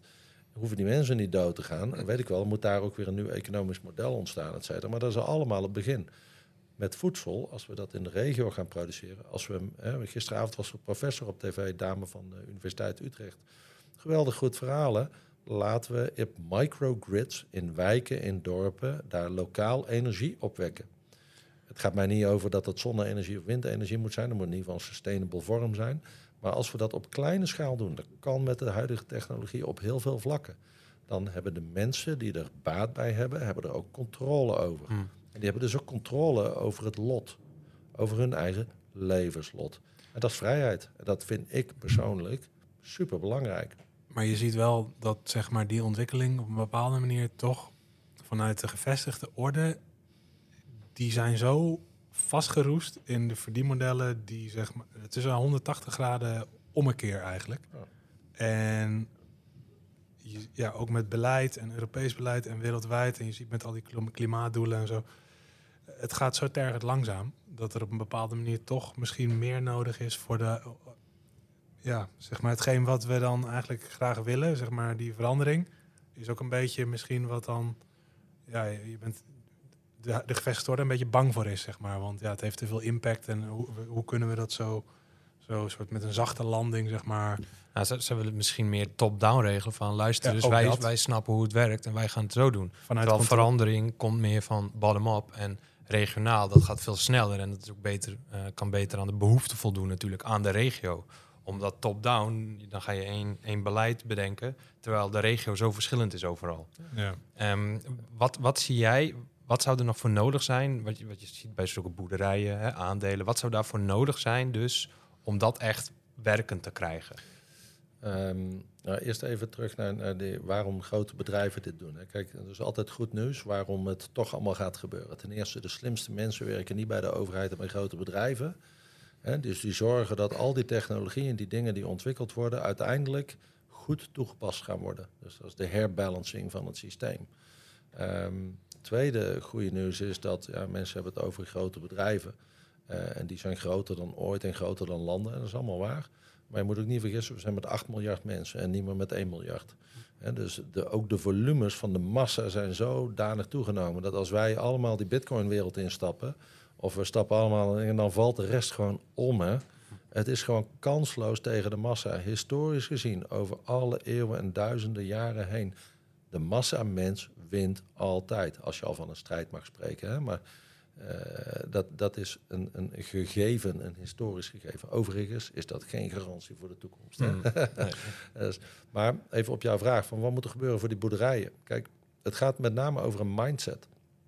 Als we naar een nieuwe eh, maatschappelijke vorm gaan, ja, van het industriële tijdperk zeg maar, naar een digitale tijdperk, eh, dan komt er een nieuwe governance. Maar er hoort ook een nieuwe mens en een nieuwe bewustwording bij. Ja, en eh, in het boek Society 4.0, Regio 4.0, dat komt over, ja, als het goed is, lanceren we dat in september. Hè, dat gaat binnenkort naar de drukker. Nou, en in dat boek Regio 4.0 hebben we ook een hoofdstuk geschreven, Bob en ik, met alle co-auteurs. Dat heet Mens 4.0.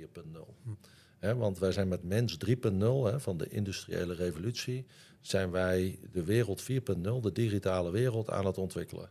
Dat betekent ook dat we als mens moeten ontwikkelen. Nou, waar nu alles heel individualistisch ingericht, en dan sla ik hem even heel plat, gaat in die nieuwe wereld gaan we eerst delen en dan vermenigvuldigen. Dus dat is een mindset dat als jij een boer bent, dat je niet meer denkt, alles is van mij. Want trouwens, dat is het ook niet, hè, want alles is van de bank, want het is allemaal verhypotheekt. Maar die boer die denkt dat het van hem is, totdat het even niet goed gaat, dan is alles van de bank. En eh, in die nieuwe wereld, en dat zie je ook bij, bij jonge ondernemers, hè, die dan eh, geld ophalen bij Friends and Families en snel zo'n blockchain-technologie implementeren om geld op te halen en dan het bedrijf te laten groeien. Die delen eerst en gaan dan vermenigvuldigen.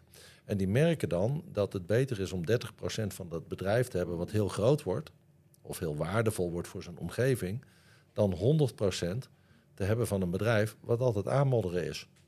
Nou, en die mindset zal bij mensen moeten gaan veranderen. Dus de boeren en, en de bedrijven, de ondernemers die de mindset kunnen adopteren van hé, hey, ik, ik eh, wil delen met mijn klanten en ik wil ze echt een fair aandeel geven in mijn bedrijf. Eh, ja, die gaan, denk ik, de eh, stap maken naar de nieuwe economie en de nieuwe manier van werken. En die zullen daar heel succesvol in zijn. En daarmee dus ook hun tokenhouders of aandeelhouders, of hoe je ze ook eh, wilt kwalificeren. Maar dat is een mindsetverandering. Hè? Dus de boeren die ik spreek, Die gaan allemaal heel lang lopen nadenken. Is dit voor mij financieel aantrekkelijk? Ja, en die komen er gewoon maar niet uit. Hè? Ik geef 30% van mijn boerderij weg. En dan kan ik in de toekomst winst maken. En ze komen er maar niet uit. Want ja, ze weten niet, nu geef ik iets weg en dan hoop ik maar dat ik iets terugkrijg. Ja, weet je. De Vertrouwen. opofferen hoort er soms ook iets Ja. bij om eh, Ja. iets, iets, iets weer te En krijgen. dan, dan gaan we even het linkje maken naar mijn andere business. Hè. Dus naast blockchain en crypto zit ik in de psychedelica.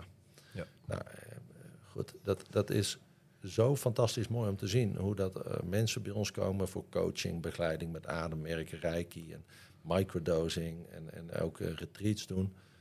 Ze komen allemaal met van, ik weet niet meer hoe het zit. Eh, Of ik twijfel, of ik heb een onvrede. Of hè, sommige mensen die, die hebben zich net aangemeld omdat ze zelfmoord hebben willen plegen. Dus het gaat alle kanten op.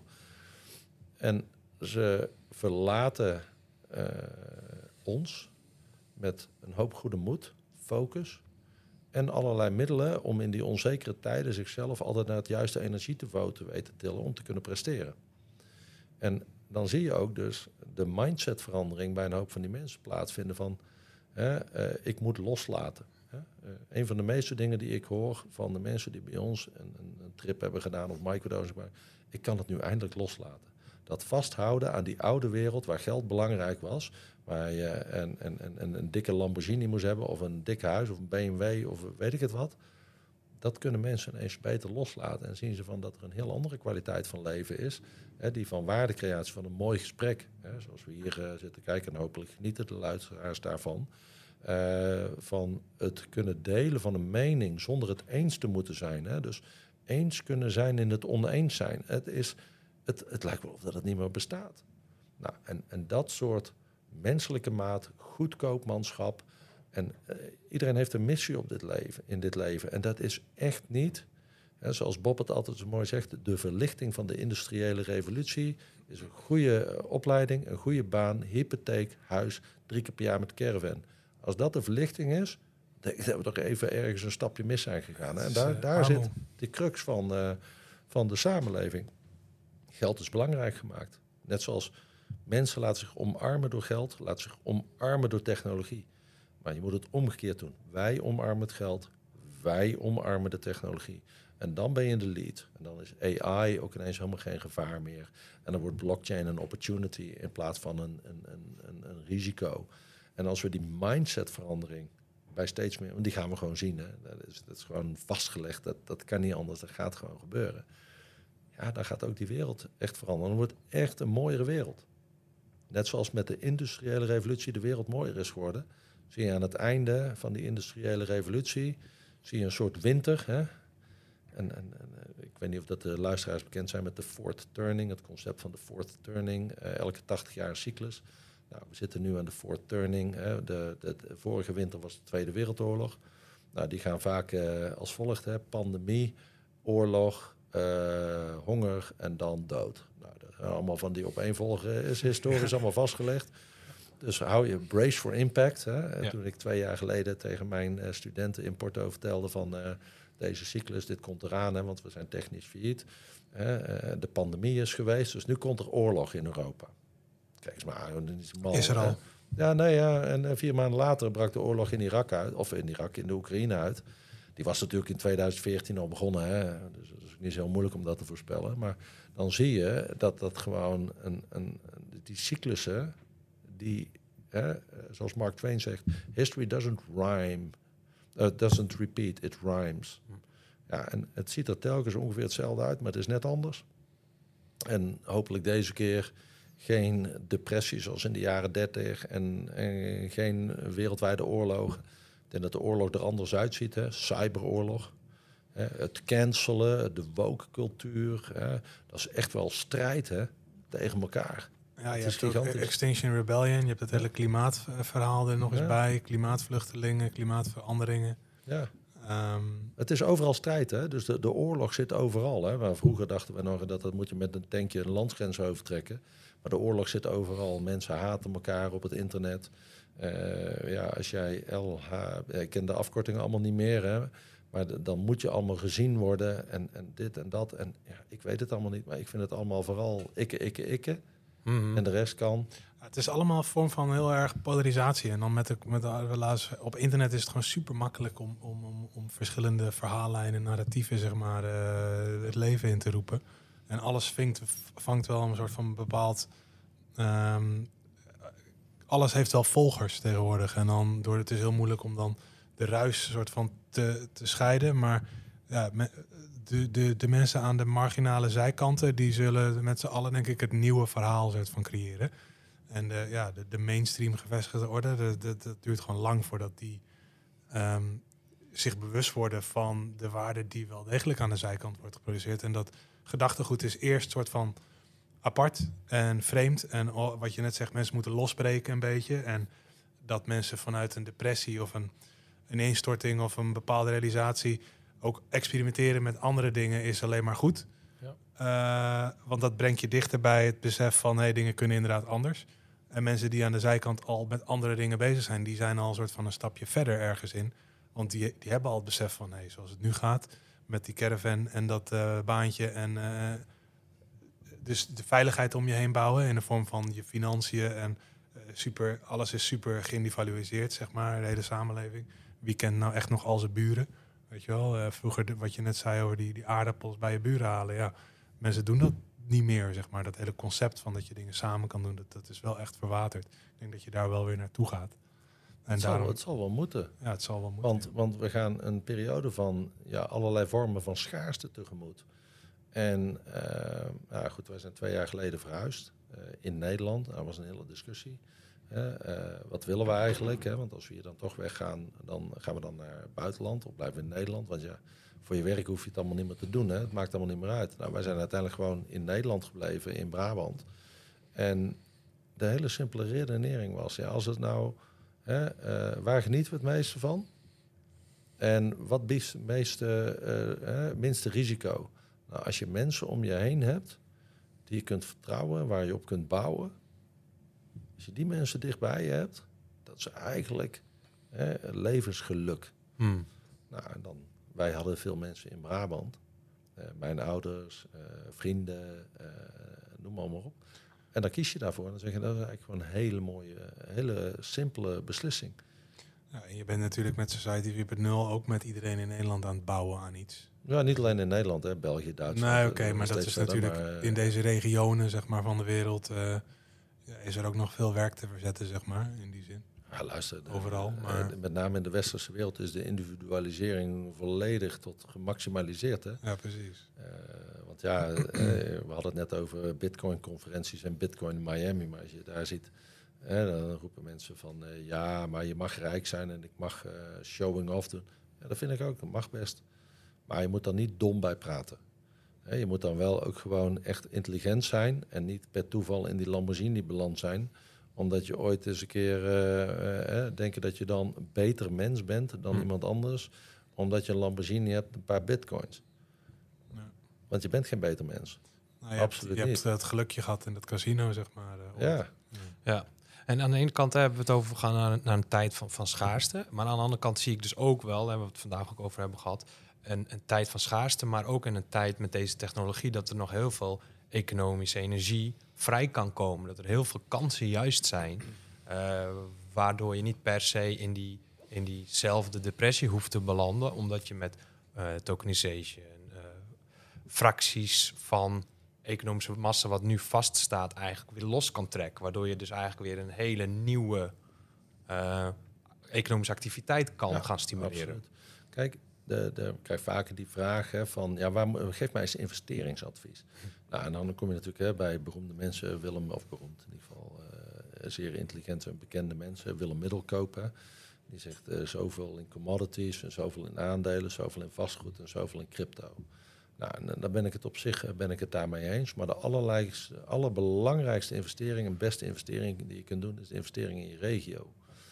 Dus investeren in een boer, investeren in een bierbrouwerij, investeren in een slager, in een bakker, in een mouterij, in, in eh, eh, kledingfabriekjes, in eh, dingen die in jouw regio belangrijk zijn, signatuur brengen, die geld in circulatie brengen in je regio, die bereikbaar zijn hè, als het internet uitvalt, dat je naartoe kunt lopen.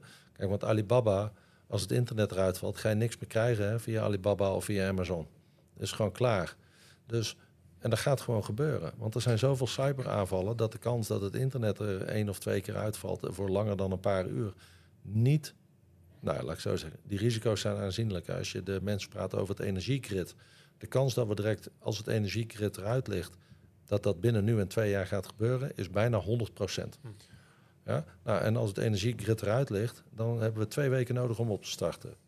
Oh, denk daar maar eens aan. Dus investeren in je risico in je regio is een goede investering financieel, maar vooral ook toegevoegde waarde voor eh, het, het minimaliseren van risico's in je dagelijkse leven.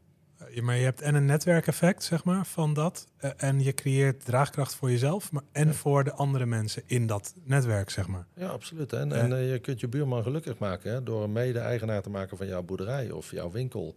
Of eh, je kunt investeren in je buurman. We- Weet je wat dat ook doet op het persoonlijke vlak? Maakt Ja, ja, het gewoon echt leuk. Maar je gaat weer, zeg maar, dus inderdaad dat menselijke breng je terug, maar ook een beetje dat, dat, eh, wat, wat, ze zeiden bij die Society Regio Dag, de na, naboerschap. Nab naboerschap. eh, precies Ja. dat, zeg maar. Kan niet eens uitspreken.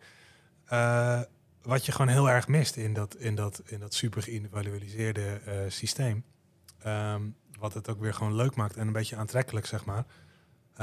En waar wij het ook over hadden gehad, zeg maar, die de complexiteit van de huidige dienstverlening, met name dan financiële producten bijvoorbeeld, DeFi, zeg maar, de, de, de, de, de Web3 ehm, protocollen die je ziet, waarbij mensen eigenlijk dat recht weer een beetje naar eh, wat uitdagend is, omdat je die concepten zelf moet gaan leren.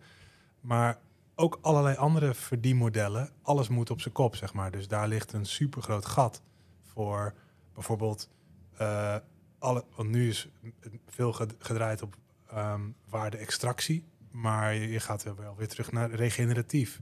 Je wel, dan heb je in één keer bedrijven die eh, winstgevend zijn omdat ze biodiversiteit herstellen, effectief zeg maar. Terwijl nu heel lang alles, eh, kijk Kijk, naar de als, agrarische als sector. jij naar straks met Mastercard kunt betalen voor liefde, ja, en dan bedoel ik niet de, hè, de Red Light District eh, liefde, Mhm. maar echte liefde, eh, eh, dan kunnen we met geld, op dat moment heb je ineens geld geïnnoveerd naar iets waarbij je echte waarde gaat creëren in plaats van economische waarde. En dan creëer je maatschappelijke waarde.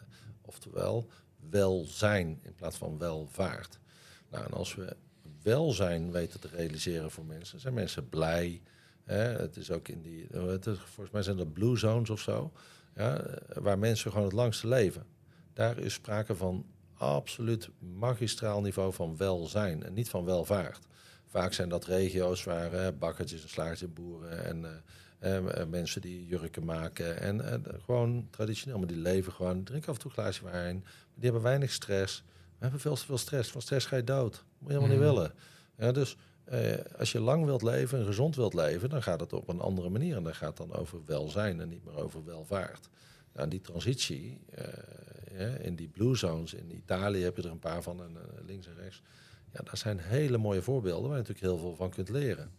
Ja, en daar zie je dat in dat soort gebieden, hè, daar, daar heeft big tech, big pharma, big commerce, big finance relatief weinig impact. Dus dat, maar daar gaan mensen ook niet zo mee in die waan van de, van de dag, zeg maar. De allernieuwste rage, de allernieuwste hype. Zoals nu met die AI, zeg maar. Je had die crypto-rage. Ik bedoel, als dat allemaal langs je heen was gegaan, was je misschien zelfs wel beter af geweest in die zin. Omdat je gewoon meer tranquilo bent, meer... eh, Het je- gaat allemaal voorbij, hè? Ja, want, maar de meeste mensen die daar dan mee in aanraking zijn, die zijn toch een beetje soort van... Of je hebt dingen nodig voor je werk, je hebt het over productiviteit en eff- efficiëntie misschien. Of, of je bent iets aan het najagen, dus meer eh, zekerheid in de vorm van financieel kapitaal of eh, meer geld om je, om je dus je behoeftes te vast te stellen of te waarborgen of om meer dingen te kunnen doen die je wil doen. Allemaal voor jezelf vaak, zeg maar. En het gaat niet meer over van wat kan ik inbrengen voor het collectief of wat kunnen we, wat, wat kunnen we lanceren, initiëren hier in de buurt, weet je wel. Terwijl dat wel vaak de leukste dingen zijn om in je buurt dan even te doen bij zo'n bij zo'n buurthuis even checken. Kijk, als ik college geef hè, in, in Porto en, en dan zitten er 45 studenten, dus altijd meestal tussen de, dat zijn allemaal MBA eh, en exec MBA eh, studenten. Ja, super interessant. Maar de mooiste momenten van de studenten, maar ook voor mij, zijn gewoon de echte discussies. Ja, waarbij, en dan niet de hoe-vragen, want dat zijn van die bullshit-vragen altijd. Ja, hoe, hoe werkt dit dan? Ja, eh, zoek dat even op eh, op een YouTube-filmpje hoe dat, dat werkt, weet je wel. Maar de waarom-vragen. Waarom zijn we nou eigenlijk failliet? Wat ligt erachter? Hm. Waarom is dit van belang voor deze wereld om te bewegen naar een nieuwe manier eh, van geld? Geld weer ondergeschikt maken aan de waardes en de behoeften van de mens. Hoe gaan we dat nou doen? Nou ja, en, en dat zijn fascinerende discussies, want er komt natuurlijk filosofie aan te pas, er komt AI aan te pas, er komt eh, individuele behoeftes aan te pas, er komt alles aan te pas aan zo'n discussie. En dat is het mooiste. En dan denk je, ja, dan denken een hoop mensen van, hè, ik kreeg wel eens opmerkingen van, ja, ik heb natuurlijk blockchain en fintech eh, klas gehad, maar ik heb ook gewoon heel veel geleerd over hoe moraliteit en ethiek. Hm. Mhm. Nou, en, en dat is natuurlijk terug naar mijn eerste stappen in die blockchain-wereld. Het, ik heb heel veel gebrek aan moraliteit en ethiek gezien. Ja, en, en toen dacht ik van ja, ik ga niet wachten tot dit beweegt in die ICO-wereld. Ik ga zelf stappen zetten, want ik wil dit niet. Ik wil niet op een gegeven moment eh, doodgaan en dan denken van waar heb ik al die mensen aangedaan? Hoe heb ik al die investeerders? eh, hè? Ik wil dat beter doen. Nou, en dan ga je in de security token wereld en, met alle eh, hordes en problemen die dat met zich mee heeft gegeven, zie dat nu die markt tot wasdom aan het komen is. Het is nog steeds early stage, maar het gaat echt wel gebeuren. En dat gaat een hele mooie, in mijn optiek, een stukje welzijn brengen. En is daar een, een schakeltje in een hele grote keten. Ehm, en met hoe meer mensen we daar, daarin stappen, hoe sterker die keten wordt.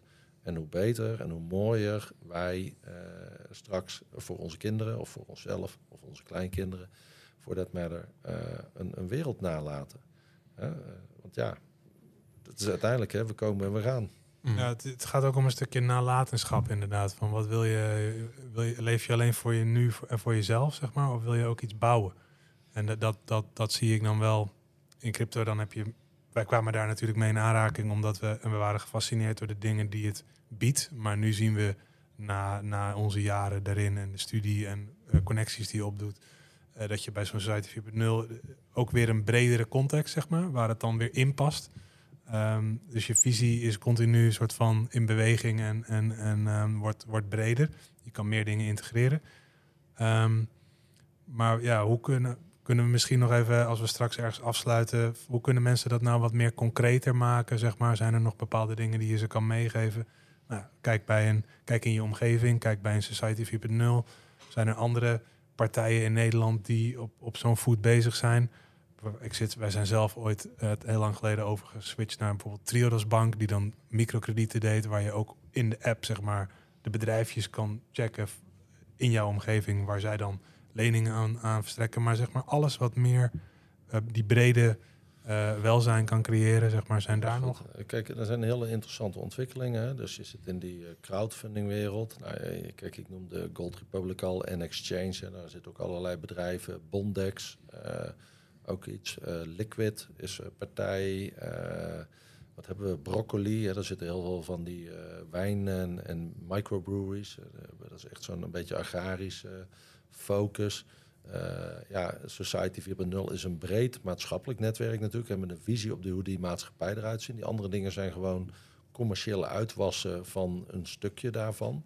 Eh, maar vergis je niet, eh, kijk, hoe heet dat? Zeggen boer zoekt vrouw. Maar Herenboerderijen. Herenboeren, Ja. land van ons. Precies. Prachtige initiatieven. Hè? En, en in Haarlem heb je een hele mooie energiecoöperatie... die ook echt van de mensen zelf is. En zo zie je dat op meer plaatsen ontstaan. Ehm, ja, weet je, verdiep je daarin. En, en ik zeg altijd, loop je deur uit... Maak een wandeling, maak een praatje of stap op de fiets en kijk eens echt rond. Hè. Hm. Wie zit daar nu aan een acupuncturist of een, eh, weet ik het, een alternatieve geneeskunde of een mooie school of een mooi project? Of, en besteed er eens gewoon tijd en aandacht aan. En misschien kun je zelf wel die mensen helpen met een financieringsvraagstuk. Of, of je kunt er gewoon aan deelnemen als participant. Ga naar een streekmarkt. Eh, en ja, weet je, het is leuk. En je hebt ook nog, denk ik, een, een andere dimensie eraan, zeg maar, die, waar, waar, waarin je dat financiële en de transactionele misschien helemaal kan onttrekken. Dat is dat als jij dus connecties hebt en mensen kent en uit je schulp kruipt, zeg maar, dat je meer de, de, de, de expertise voor expertise soort van transacties hebt. Dat je dus zegt van, joh, eh, ik, ik kan dit en ik weet dit en jij bent daar en daar goed in. Dan heb je al iets zonder dat je een medium zeg maar, nodig Ja, hebt. absoluut. En er zijn prachtige platformen hè, voor degene die hier online zijn. Eh, blockchain heb je Circles. Hè, dus dat is eh, ook een coin. Ehm, en daar kan je eigenlijk je diensten aanbieden aan elkaar.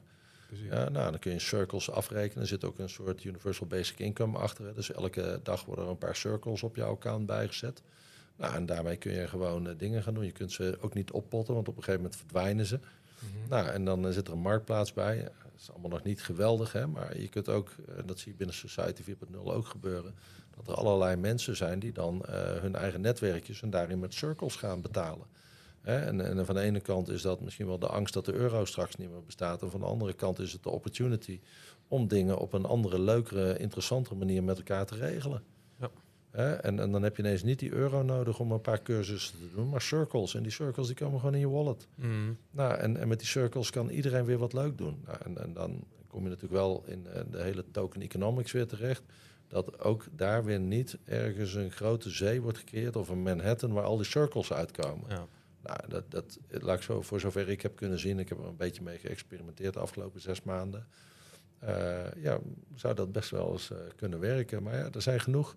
En wat ik zeg, in Fuse kan iedereen zijn eigen Fuse.io, zoek het op, maak je eigen economie aan in vijf minuten. Ja, ja, ja. Ja, dus waarom zou je wachten op de coin van iemand anders? Hè? Maar ja, dat, zeg maar, daarin heb je ook wel weer die, ehm, dat netwerkeffect nodig. Van je kan iets maken, maar dan moet je dan met je vriendenkring of, of, of je eigen netwerk moet je daar de waarde aan geven. En moet je zeg maar dan. Ja. eh, Het- je- Kijk, je bepaalt dan het. zit- gaan we even heel filosofisch. Hè? Dus eh, voor elk doel heb je een middel nodig. Ja? We hebben op dit moment bijna 8 miljard mensen op deze wereld met 8 miljard individuele doelen. Zou het dan niet zo moeten zijn dat we eigenlijk 8 miljard munten moeten hebben? Die allemaal bijdragen aan het doel van Max, Abe, Roel. En dat we allemaal onze eigen munt hebben. En dat die munt gewoon met iedereen uitwisselbaar is. En dat op basis van de maatschappelijk welzijn, wat je aan het creëren bent, er een waarde aan toegekend kan worden. Maar misschien moet je eigenlijk wel helemaal af van het concept waarde. Mm. Want uiteindelijk is iedere mens even waardevol. Dus waarom zouden we dat nou doen? Nou, een hele filosofische discussie waar je, waar je naartoe kunt gaan. Ehm, maar ik denk wel goed is dat, hè, want mensen, mensen hebben geld uitgevonden. Hè. Het is niet zo dat God dat gecreëerd heeft om ons te helpen. Nee, in de loop van de duizenden jaren is geld gekomen van schelpjes naar gouden munten, naar eh, eh, eh, uiteindelijk de gouden standaard en dan, dan nu het fiat geld. Oftewel bullshit money, hè, de echte shitcoins die niks meer waard zijn. Ja, waar wel vertrouwen in is. Hè. Ik noem het dan ook als eh, confidence en trust money.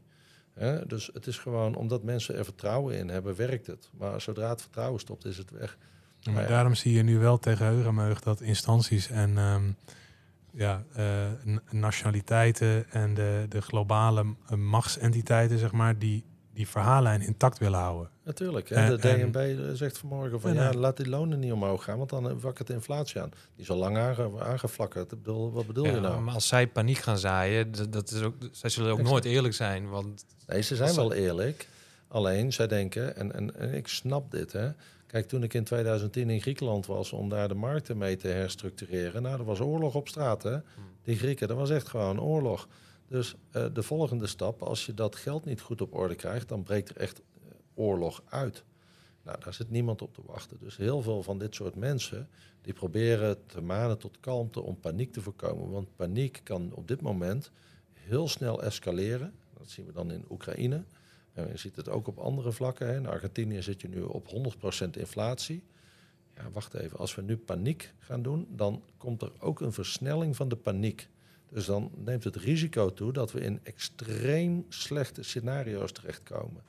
Dus het is ook goed dat de overheid en dit soort banken, ook al vinden wij ze misschien niet eerlijk, soms is het ook wel goed om te zorgen dat het niet nog erger wordt. Hè? Want Ja, exact, eerlijkheid wordt ik, ook ja. af en toe overgewaardeerd.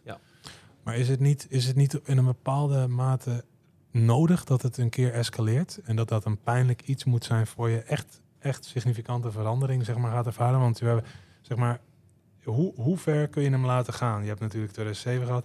Er zijn toen enkele banken in IJsland eh, echt soort van omgevallen. Ja, mensen, aansprakelijk, ja. mensen aansprakelijk gesteld. Nu zie je meer dat eh, besturen en, en, en executives ook potentieel wellicht persoonlijk aansprakelijk gesteld kunnen worden voor bijvoorbeeld.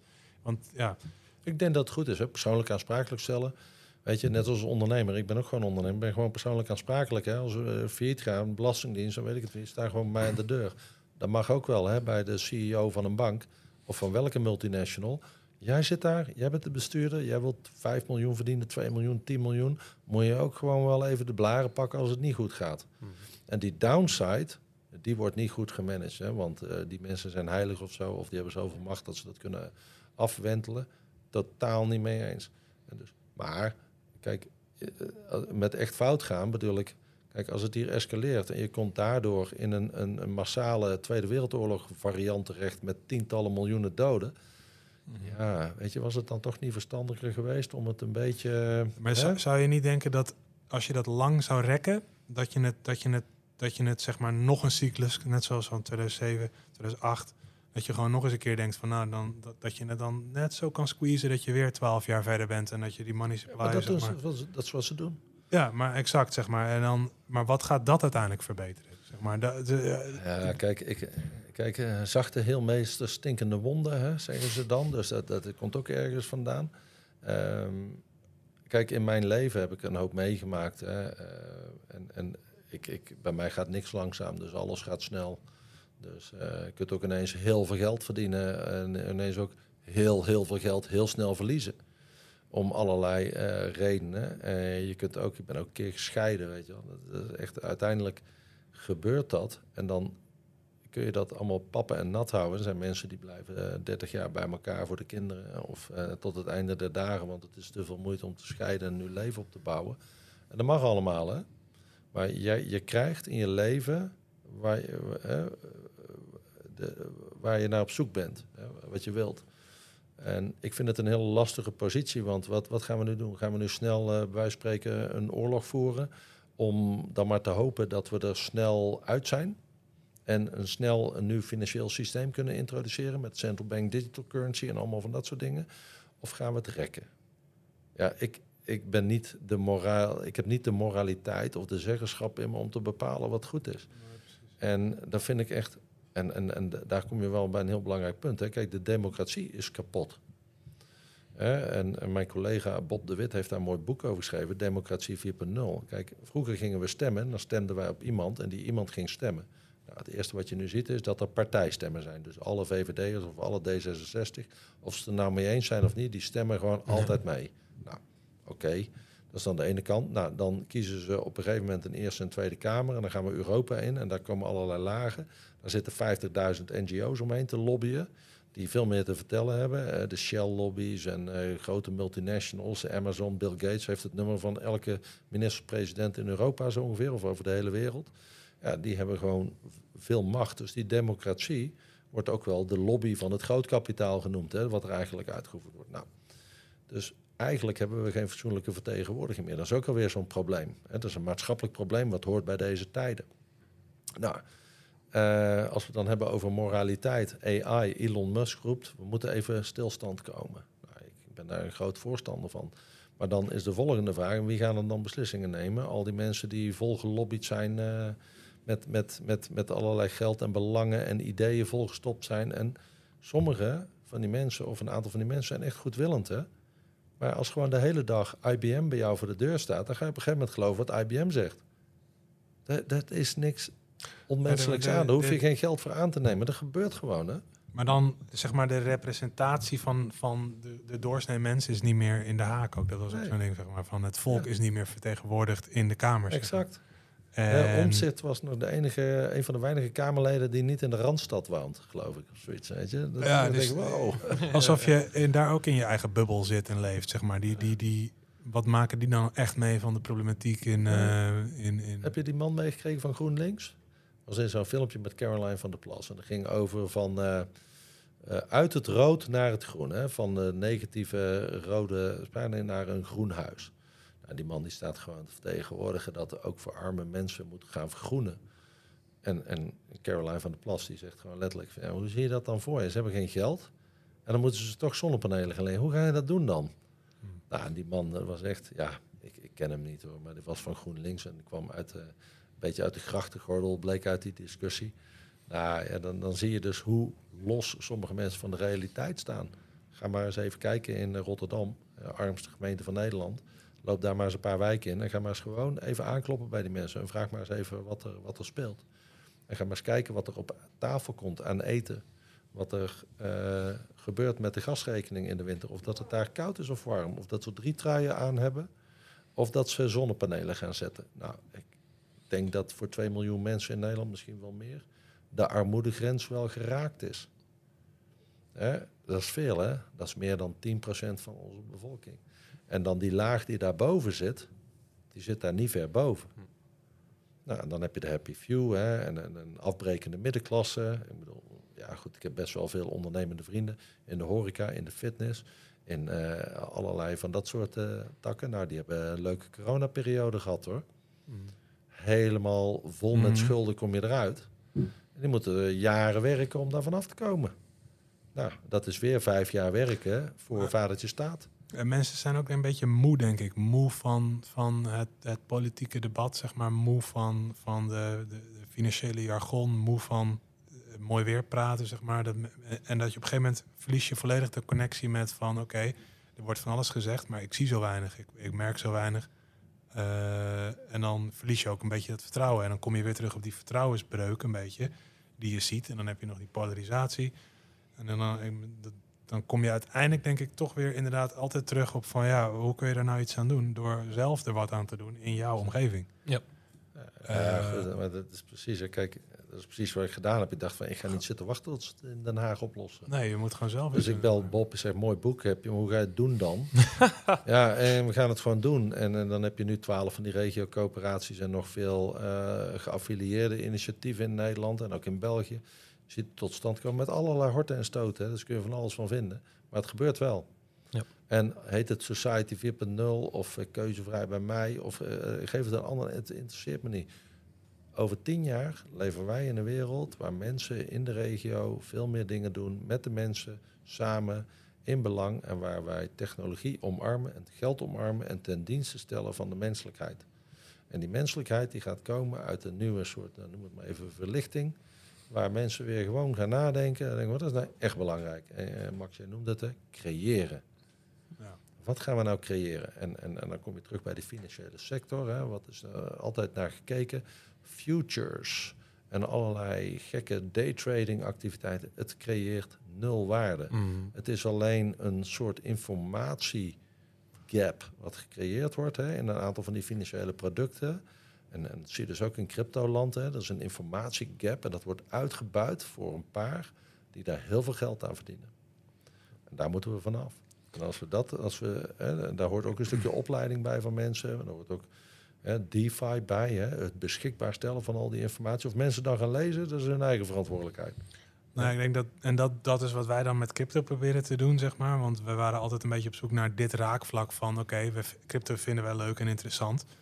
Het, het flippen en NFT's en apenplaatjes en, en ja. uh, snel rijk worden vinden we uh, minder interessant. Ja, maar dat gebeurt. Veel mensen zijn er de dupe van. Maar het creëert geen waarde. Dat zagen we al heel snel, de hele dag. Naar nee, precies. Het creëert geen waarde, het creëert gedupeerde. Dat reflecteert slecht op zo'n hele omgeving. Nou goed, we, we waren bezig met mensen um, een stukje educatie bieden. De, een, een, bepaalde grondslag om, om goed te kunnen navigeren. Maar met dit soort aspecten kun je het verder brengen. Dus dan kun je ja, dingen integreren. Je kan echt proberen iets te doen. Een van onze leden is ook bezig met een heel stuk land in Frankrijk... met een voedselbos en een heel en, en, en, daar zijn we ook mee in, gesprek van, joh, hoe kun je daar nou... Ja, tokenizen en geld ophalen. Ja. Dat, maar dat wil hij ook. Hij wil op een bepaalde manier uh, daar nadenken over financiering. Dus misschien kunnen we daar los nog een keer over hebben. Um, uh, en daar niet alleen dus een heel sociaal ding neerzetten, maar ook met maatschappelijke meerwaarde voor die omgeving. Mensen die er dan kunnen komen, mensen die ja. kunnen uh, arbeid voor een stukje compensatie, een natuurcamping, een, een, campingwinkel, een stukje landbouw, een stukje. Gewoon allerlei concepten samenbrengen die zo'n omgeving ook soort van kunnen betrekken. Uh, nou, dat is dan één ding. Uh, terwijl wij in eerste instantie ook in Ethereum gerold waren en smart contracts en, ja, en, maar wel, wat. Maar wel doordat we zagen dat het geldsysteem, dat daar iets, iets, iets misging. Wij gingen wel vanuit dat oogpunt. Toen zijn we er ook in gaan verdiepen en naar oplossingen gaan zoeken. Dus ja, um, Ja, dat maakt hem... eh, Maar kijk, het is super interessant, hè, want je zegt net eh, NFT's en apendingen. En, en is in alle innovaties die je ooit gezien hebt, het maakt niet uit waar het over gaat. Dat is altijd bagger en dan komt er iets goeds uit. Ja. Als je in die NFT's zat, er was een bedrijf, volgens mij was het 2018 of zo, Guts Ticket heette ze. Eh, en die eh, deed tickets op de blockchain. Nou, die zitten nu in de NFT-land. Nou, daarmee zijn concerttickets kan niet meer illegaal gespeculeerd worden op, eh, op die zwarte markt. Hè, dat je ergens voor zo'n stadion staat en voor 300 euro kun je nog naar binnen kopen. ticket, staat bij de deur en je wordt geweigerd. Ja, dat soort shit. Dat kan dan niet meer met hun ticketing systeem op de blockchain. Nou, dan zit er ook nog een toegevoegde waarde in, omdat je mooie plaatjes en dingen, logo's. En mensen kunnen dat als herinnering zeg maar, bij zich houden. En dan zie je dat ook voor die NFT-markt, zie je langzamerhand best wel interessante projecten ontstaan. Eh, en, en dit is precies waar natuurlijk voor de luisteraar om gaat. Hoe onderscheid je nou bagger hè, van, van iets wat echt een maatschappelijke waarde heeft? Nou, ja, eh, Maar ook dat concept vervaagt. Want wij hadden het daar laatst over, dat we het hadden over Shiba Coin, weet je wel. Eh, een jaar geleden nou, is het alleen maar Shiba, een kopie van Japan, een andere versie van een Dogecoin. Maar blijkbaar zit er uiteindelijk, zeg maar, nu zijn daar alweer vier dingen omheen gebouwd die het wel degelijk een bepaalde functie geven. Eh, en, en voor de achterban die daarvan houdt, eh, utiliteit creëert als het ware. En dan is het in mindere ma En dat is subjectief, dus het is afhankelijk van wat jouw interesses zijn en wat jouw hobby's zijn en wat, jou, wat jij leuk vindt als persoon. En dat zeggen wij ook tegen die leden van joh, crypto is divers. Je hebt, je hebt alles eh, en wij geven je de basis en, eh, en, en de handvaten om na te denken en dat te zien. En dan moet je zelf kiezen wat jij leuk vindt, waar je ook lange termijn in durft te investeren, waar je potentieel niet alleen investeren, maar ook wilt gebruiken. Dus dat je zelf eh, iets gaat doen ermee. Hoe kun je het nou in jouw, jouw leven integreren? En, iets wegnemen wat je normaal hier doet, kun je nu daar doen op een andere manier die misschien beter is. Ehm nou goed, en, en dat, dat, is, dat is super. Er ligt zoveel open, denk ik. Zoveel ruimte om daar Ja, maar dat is in- heel interessant. Hè? Kijk, als er één advies is voor alle mensen die dit luisteren, is van investeer in dingen die je snapt. Precies. Als, jij, als jij in de telecomwereld zit, dan kan ik me voorstellen dat je iets snapt van telecom en van Apple misschien en telefoons. En dat je denkt van nou, daar kan ik wel in investeren, in aandelen of wat dan ook, of in crypto in die wereld. Dan snap je dat. Kijk, dat is hetzelfde. Dus ik ga gewoon niet investeren in media, want ik snap er geen bal van. Ja, in, in televisieland of, of hier, jullie hebben een YouTube-kanaal en een podcast. Ja, weet je, ik snap het gewoon. Ik weet, ik weet niet eens hoe het geld verdiend gaat worden. Hmm. Nou, dat vind ik super interessant om daar nog iets over te leren. Maar ik ga daar niet eh, van eh, bij spreken. Ik kreeg, kreeg laatst eh, een televisiezender aangeboden. Ja, wil je kopen?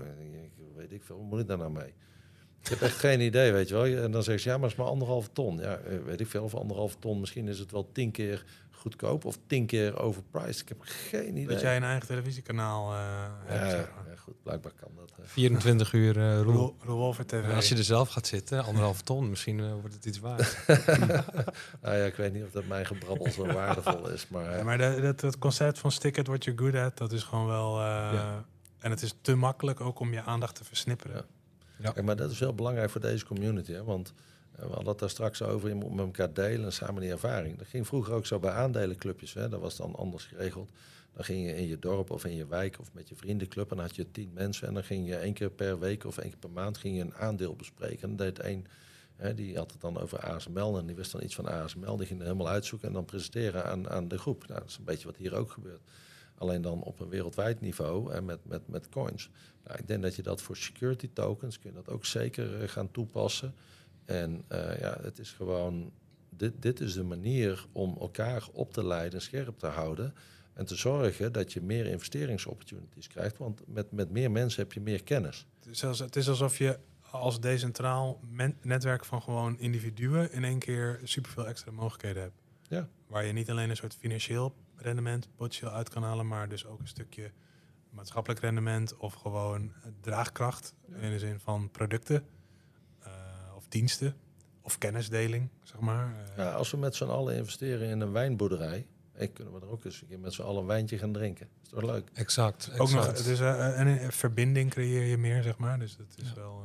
eh, Ja, maar dat, dat zijn de mooiste momenten. Hè? Kijk, als ik in mijn leven terugkijk, dan zit ik echt niet te wachten op die eh, mooie momenten, die contracten en die dingen. Weet je, het mooiste zijn de gesprekken die je hebt met mensen. Of eh, hè, ik, ik heb vroeger gerugbied met mijn rugbyclub. Weet je, of je nou win of verloor, maar het ging altijd over de strijd en de, de pijn samen. En Hmm. hè, het sociale aspect na de rugbywedstrijd, omdat dan moesten we lachen en hadden we plezier. Maar of je nou verloren had of gewonnen, weet je, Je hebt samen dingen je hebt meegemaakt. samen dingen meegemaakt. En eh, dat zie je dan ook. Dat in, ik ben nu eh, 50. Dus vele jaren later is er een groot gedeelte van mijn vriendenclub zit er nog echt in die, in die eh, komen van die tijd uit die, uit die rugbyperiode. Omdat daar echt vriendschap gesmeed werd. En dat was niet omdat we samen geld verdienden. Nee, dat was omdat we samen de groene veld op moesten gaan. En er stonden 15 andere gasten en die gingen ons willen, willen ons afdrogen. Ja. En dan gaat eh goed hard er bovenop. Ja, en, en na die strijd was het dan ook over. En had je gewonnen of verloren. Want gelijkspel, eh, voor, ik kan me niet herinneren dat we ooit gelijk gespeeld hebben bij rugby. Nou, en dan was, daarna moest je gewoon respect hebben voor elkaar. Want die ander had gewonnen of verloren. Dat maakt dan niet uit. Maar je had respect voor elkaar.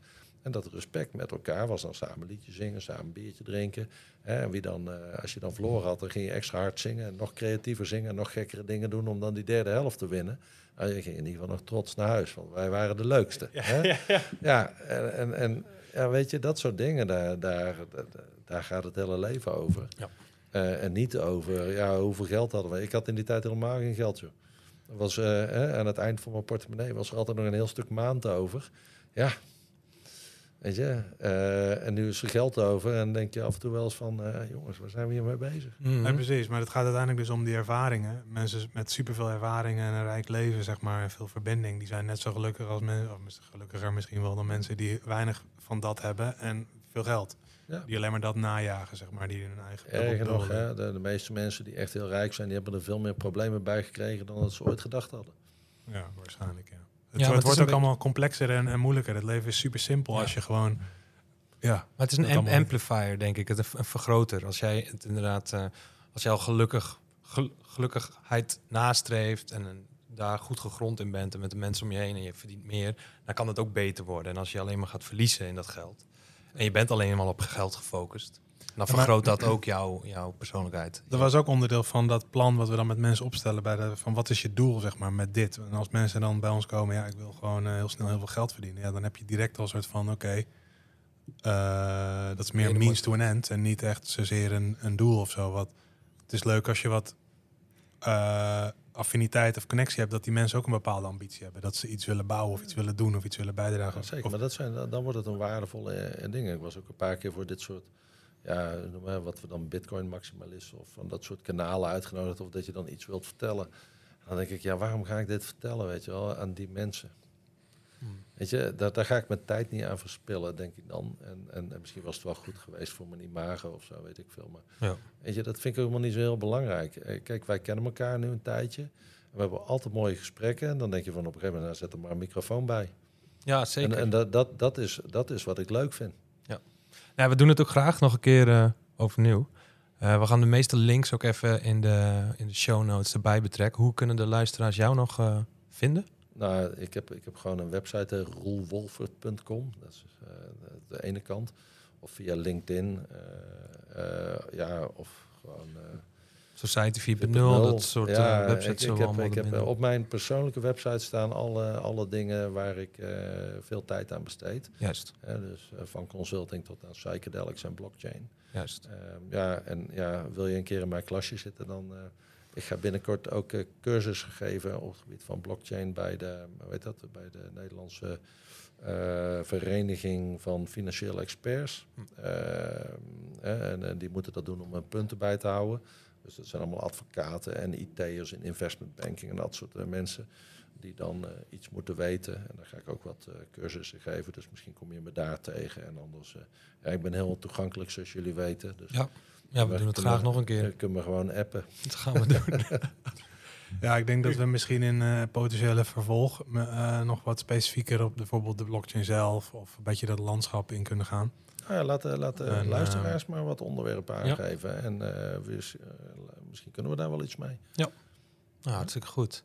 Ja, Dankjewel. ik als- En ik heb ook een groot netwerk heb ik over de hele wereld in die blockchain dingen gedaan. Dus als er namen zijn die, die luisteraars zeggen van... joh, ik zou die wel, wel eens willen horen of dat... dan misschien ken ik ze wel en kan ik ze wel gewoon benaderen. En eh, eens even vragen of dat ze hier eh, ook even een plekje willen... of een praatje willen doen. Ja, lijkt me tof. Absoluut. Mooi, dan eh, ronden we hem af. Dankjewel voor vandaag. dank jullie wel. Ik vond het hartstikke leuk. Ja, Ja, vond het super interessant. Nu, maar nu gaan we nog even een graangelukje pakken ergens, toch? Of Ja, ja, het, dat is eh, wel de bedoeling, toch? Zo is het allemaal begonnen. Ja, nu die, nu die zon nog schijnt, ik weet niet, volgens Maar mij. is die lokaal te krijgen in Utrecht ook? Eh, Nee, niet in Utrecht. Nee, hier heb maar- je, hier heb je ander bier wat je lokaal kunt drinken. Gaan we hier de lokale, lokale Ja, je had niet je koffer volgeladen met... eh, zoeken. Graag geluk, nee. Nee, graangeluk.nl.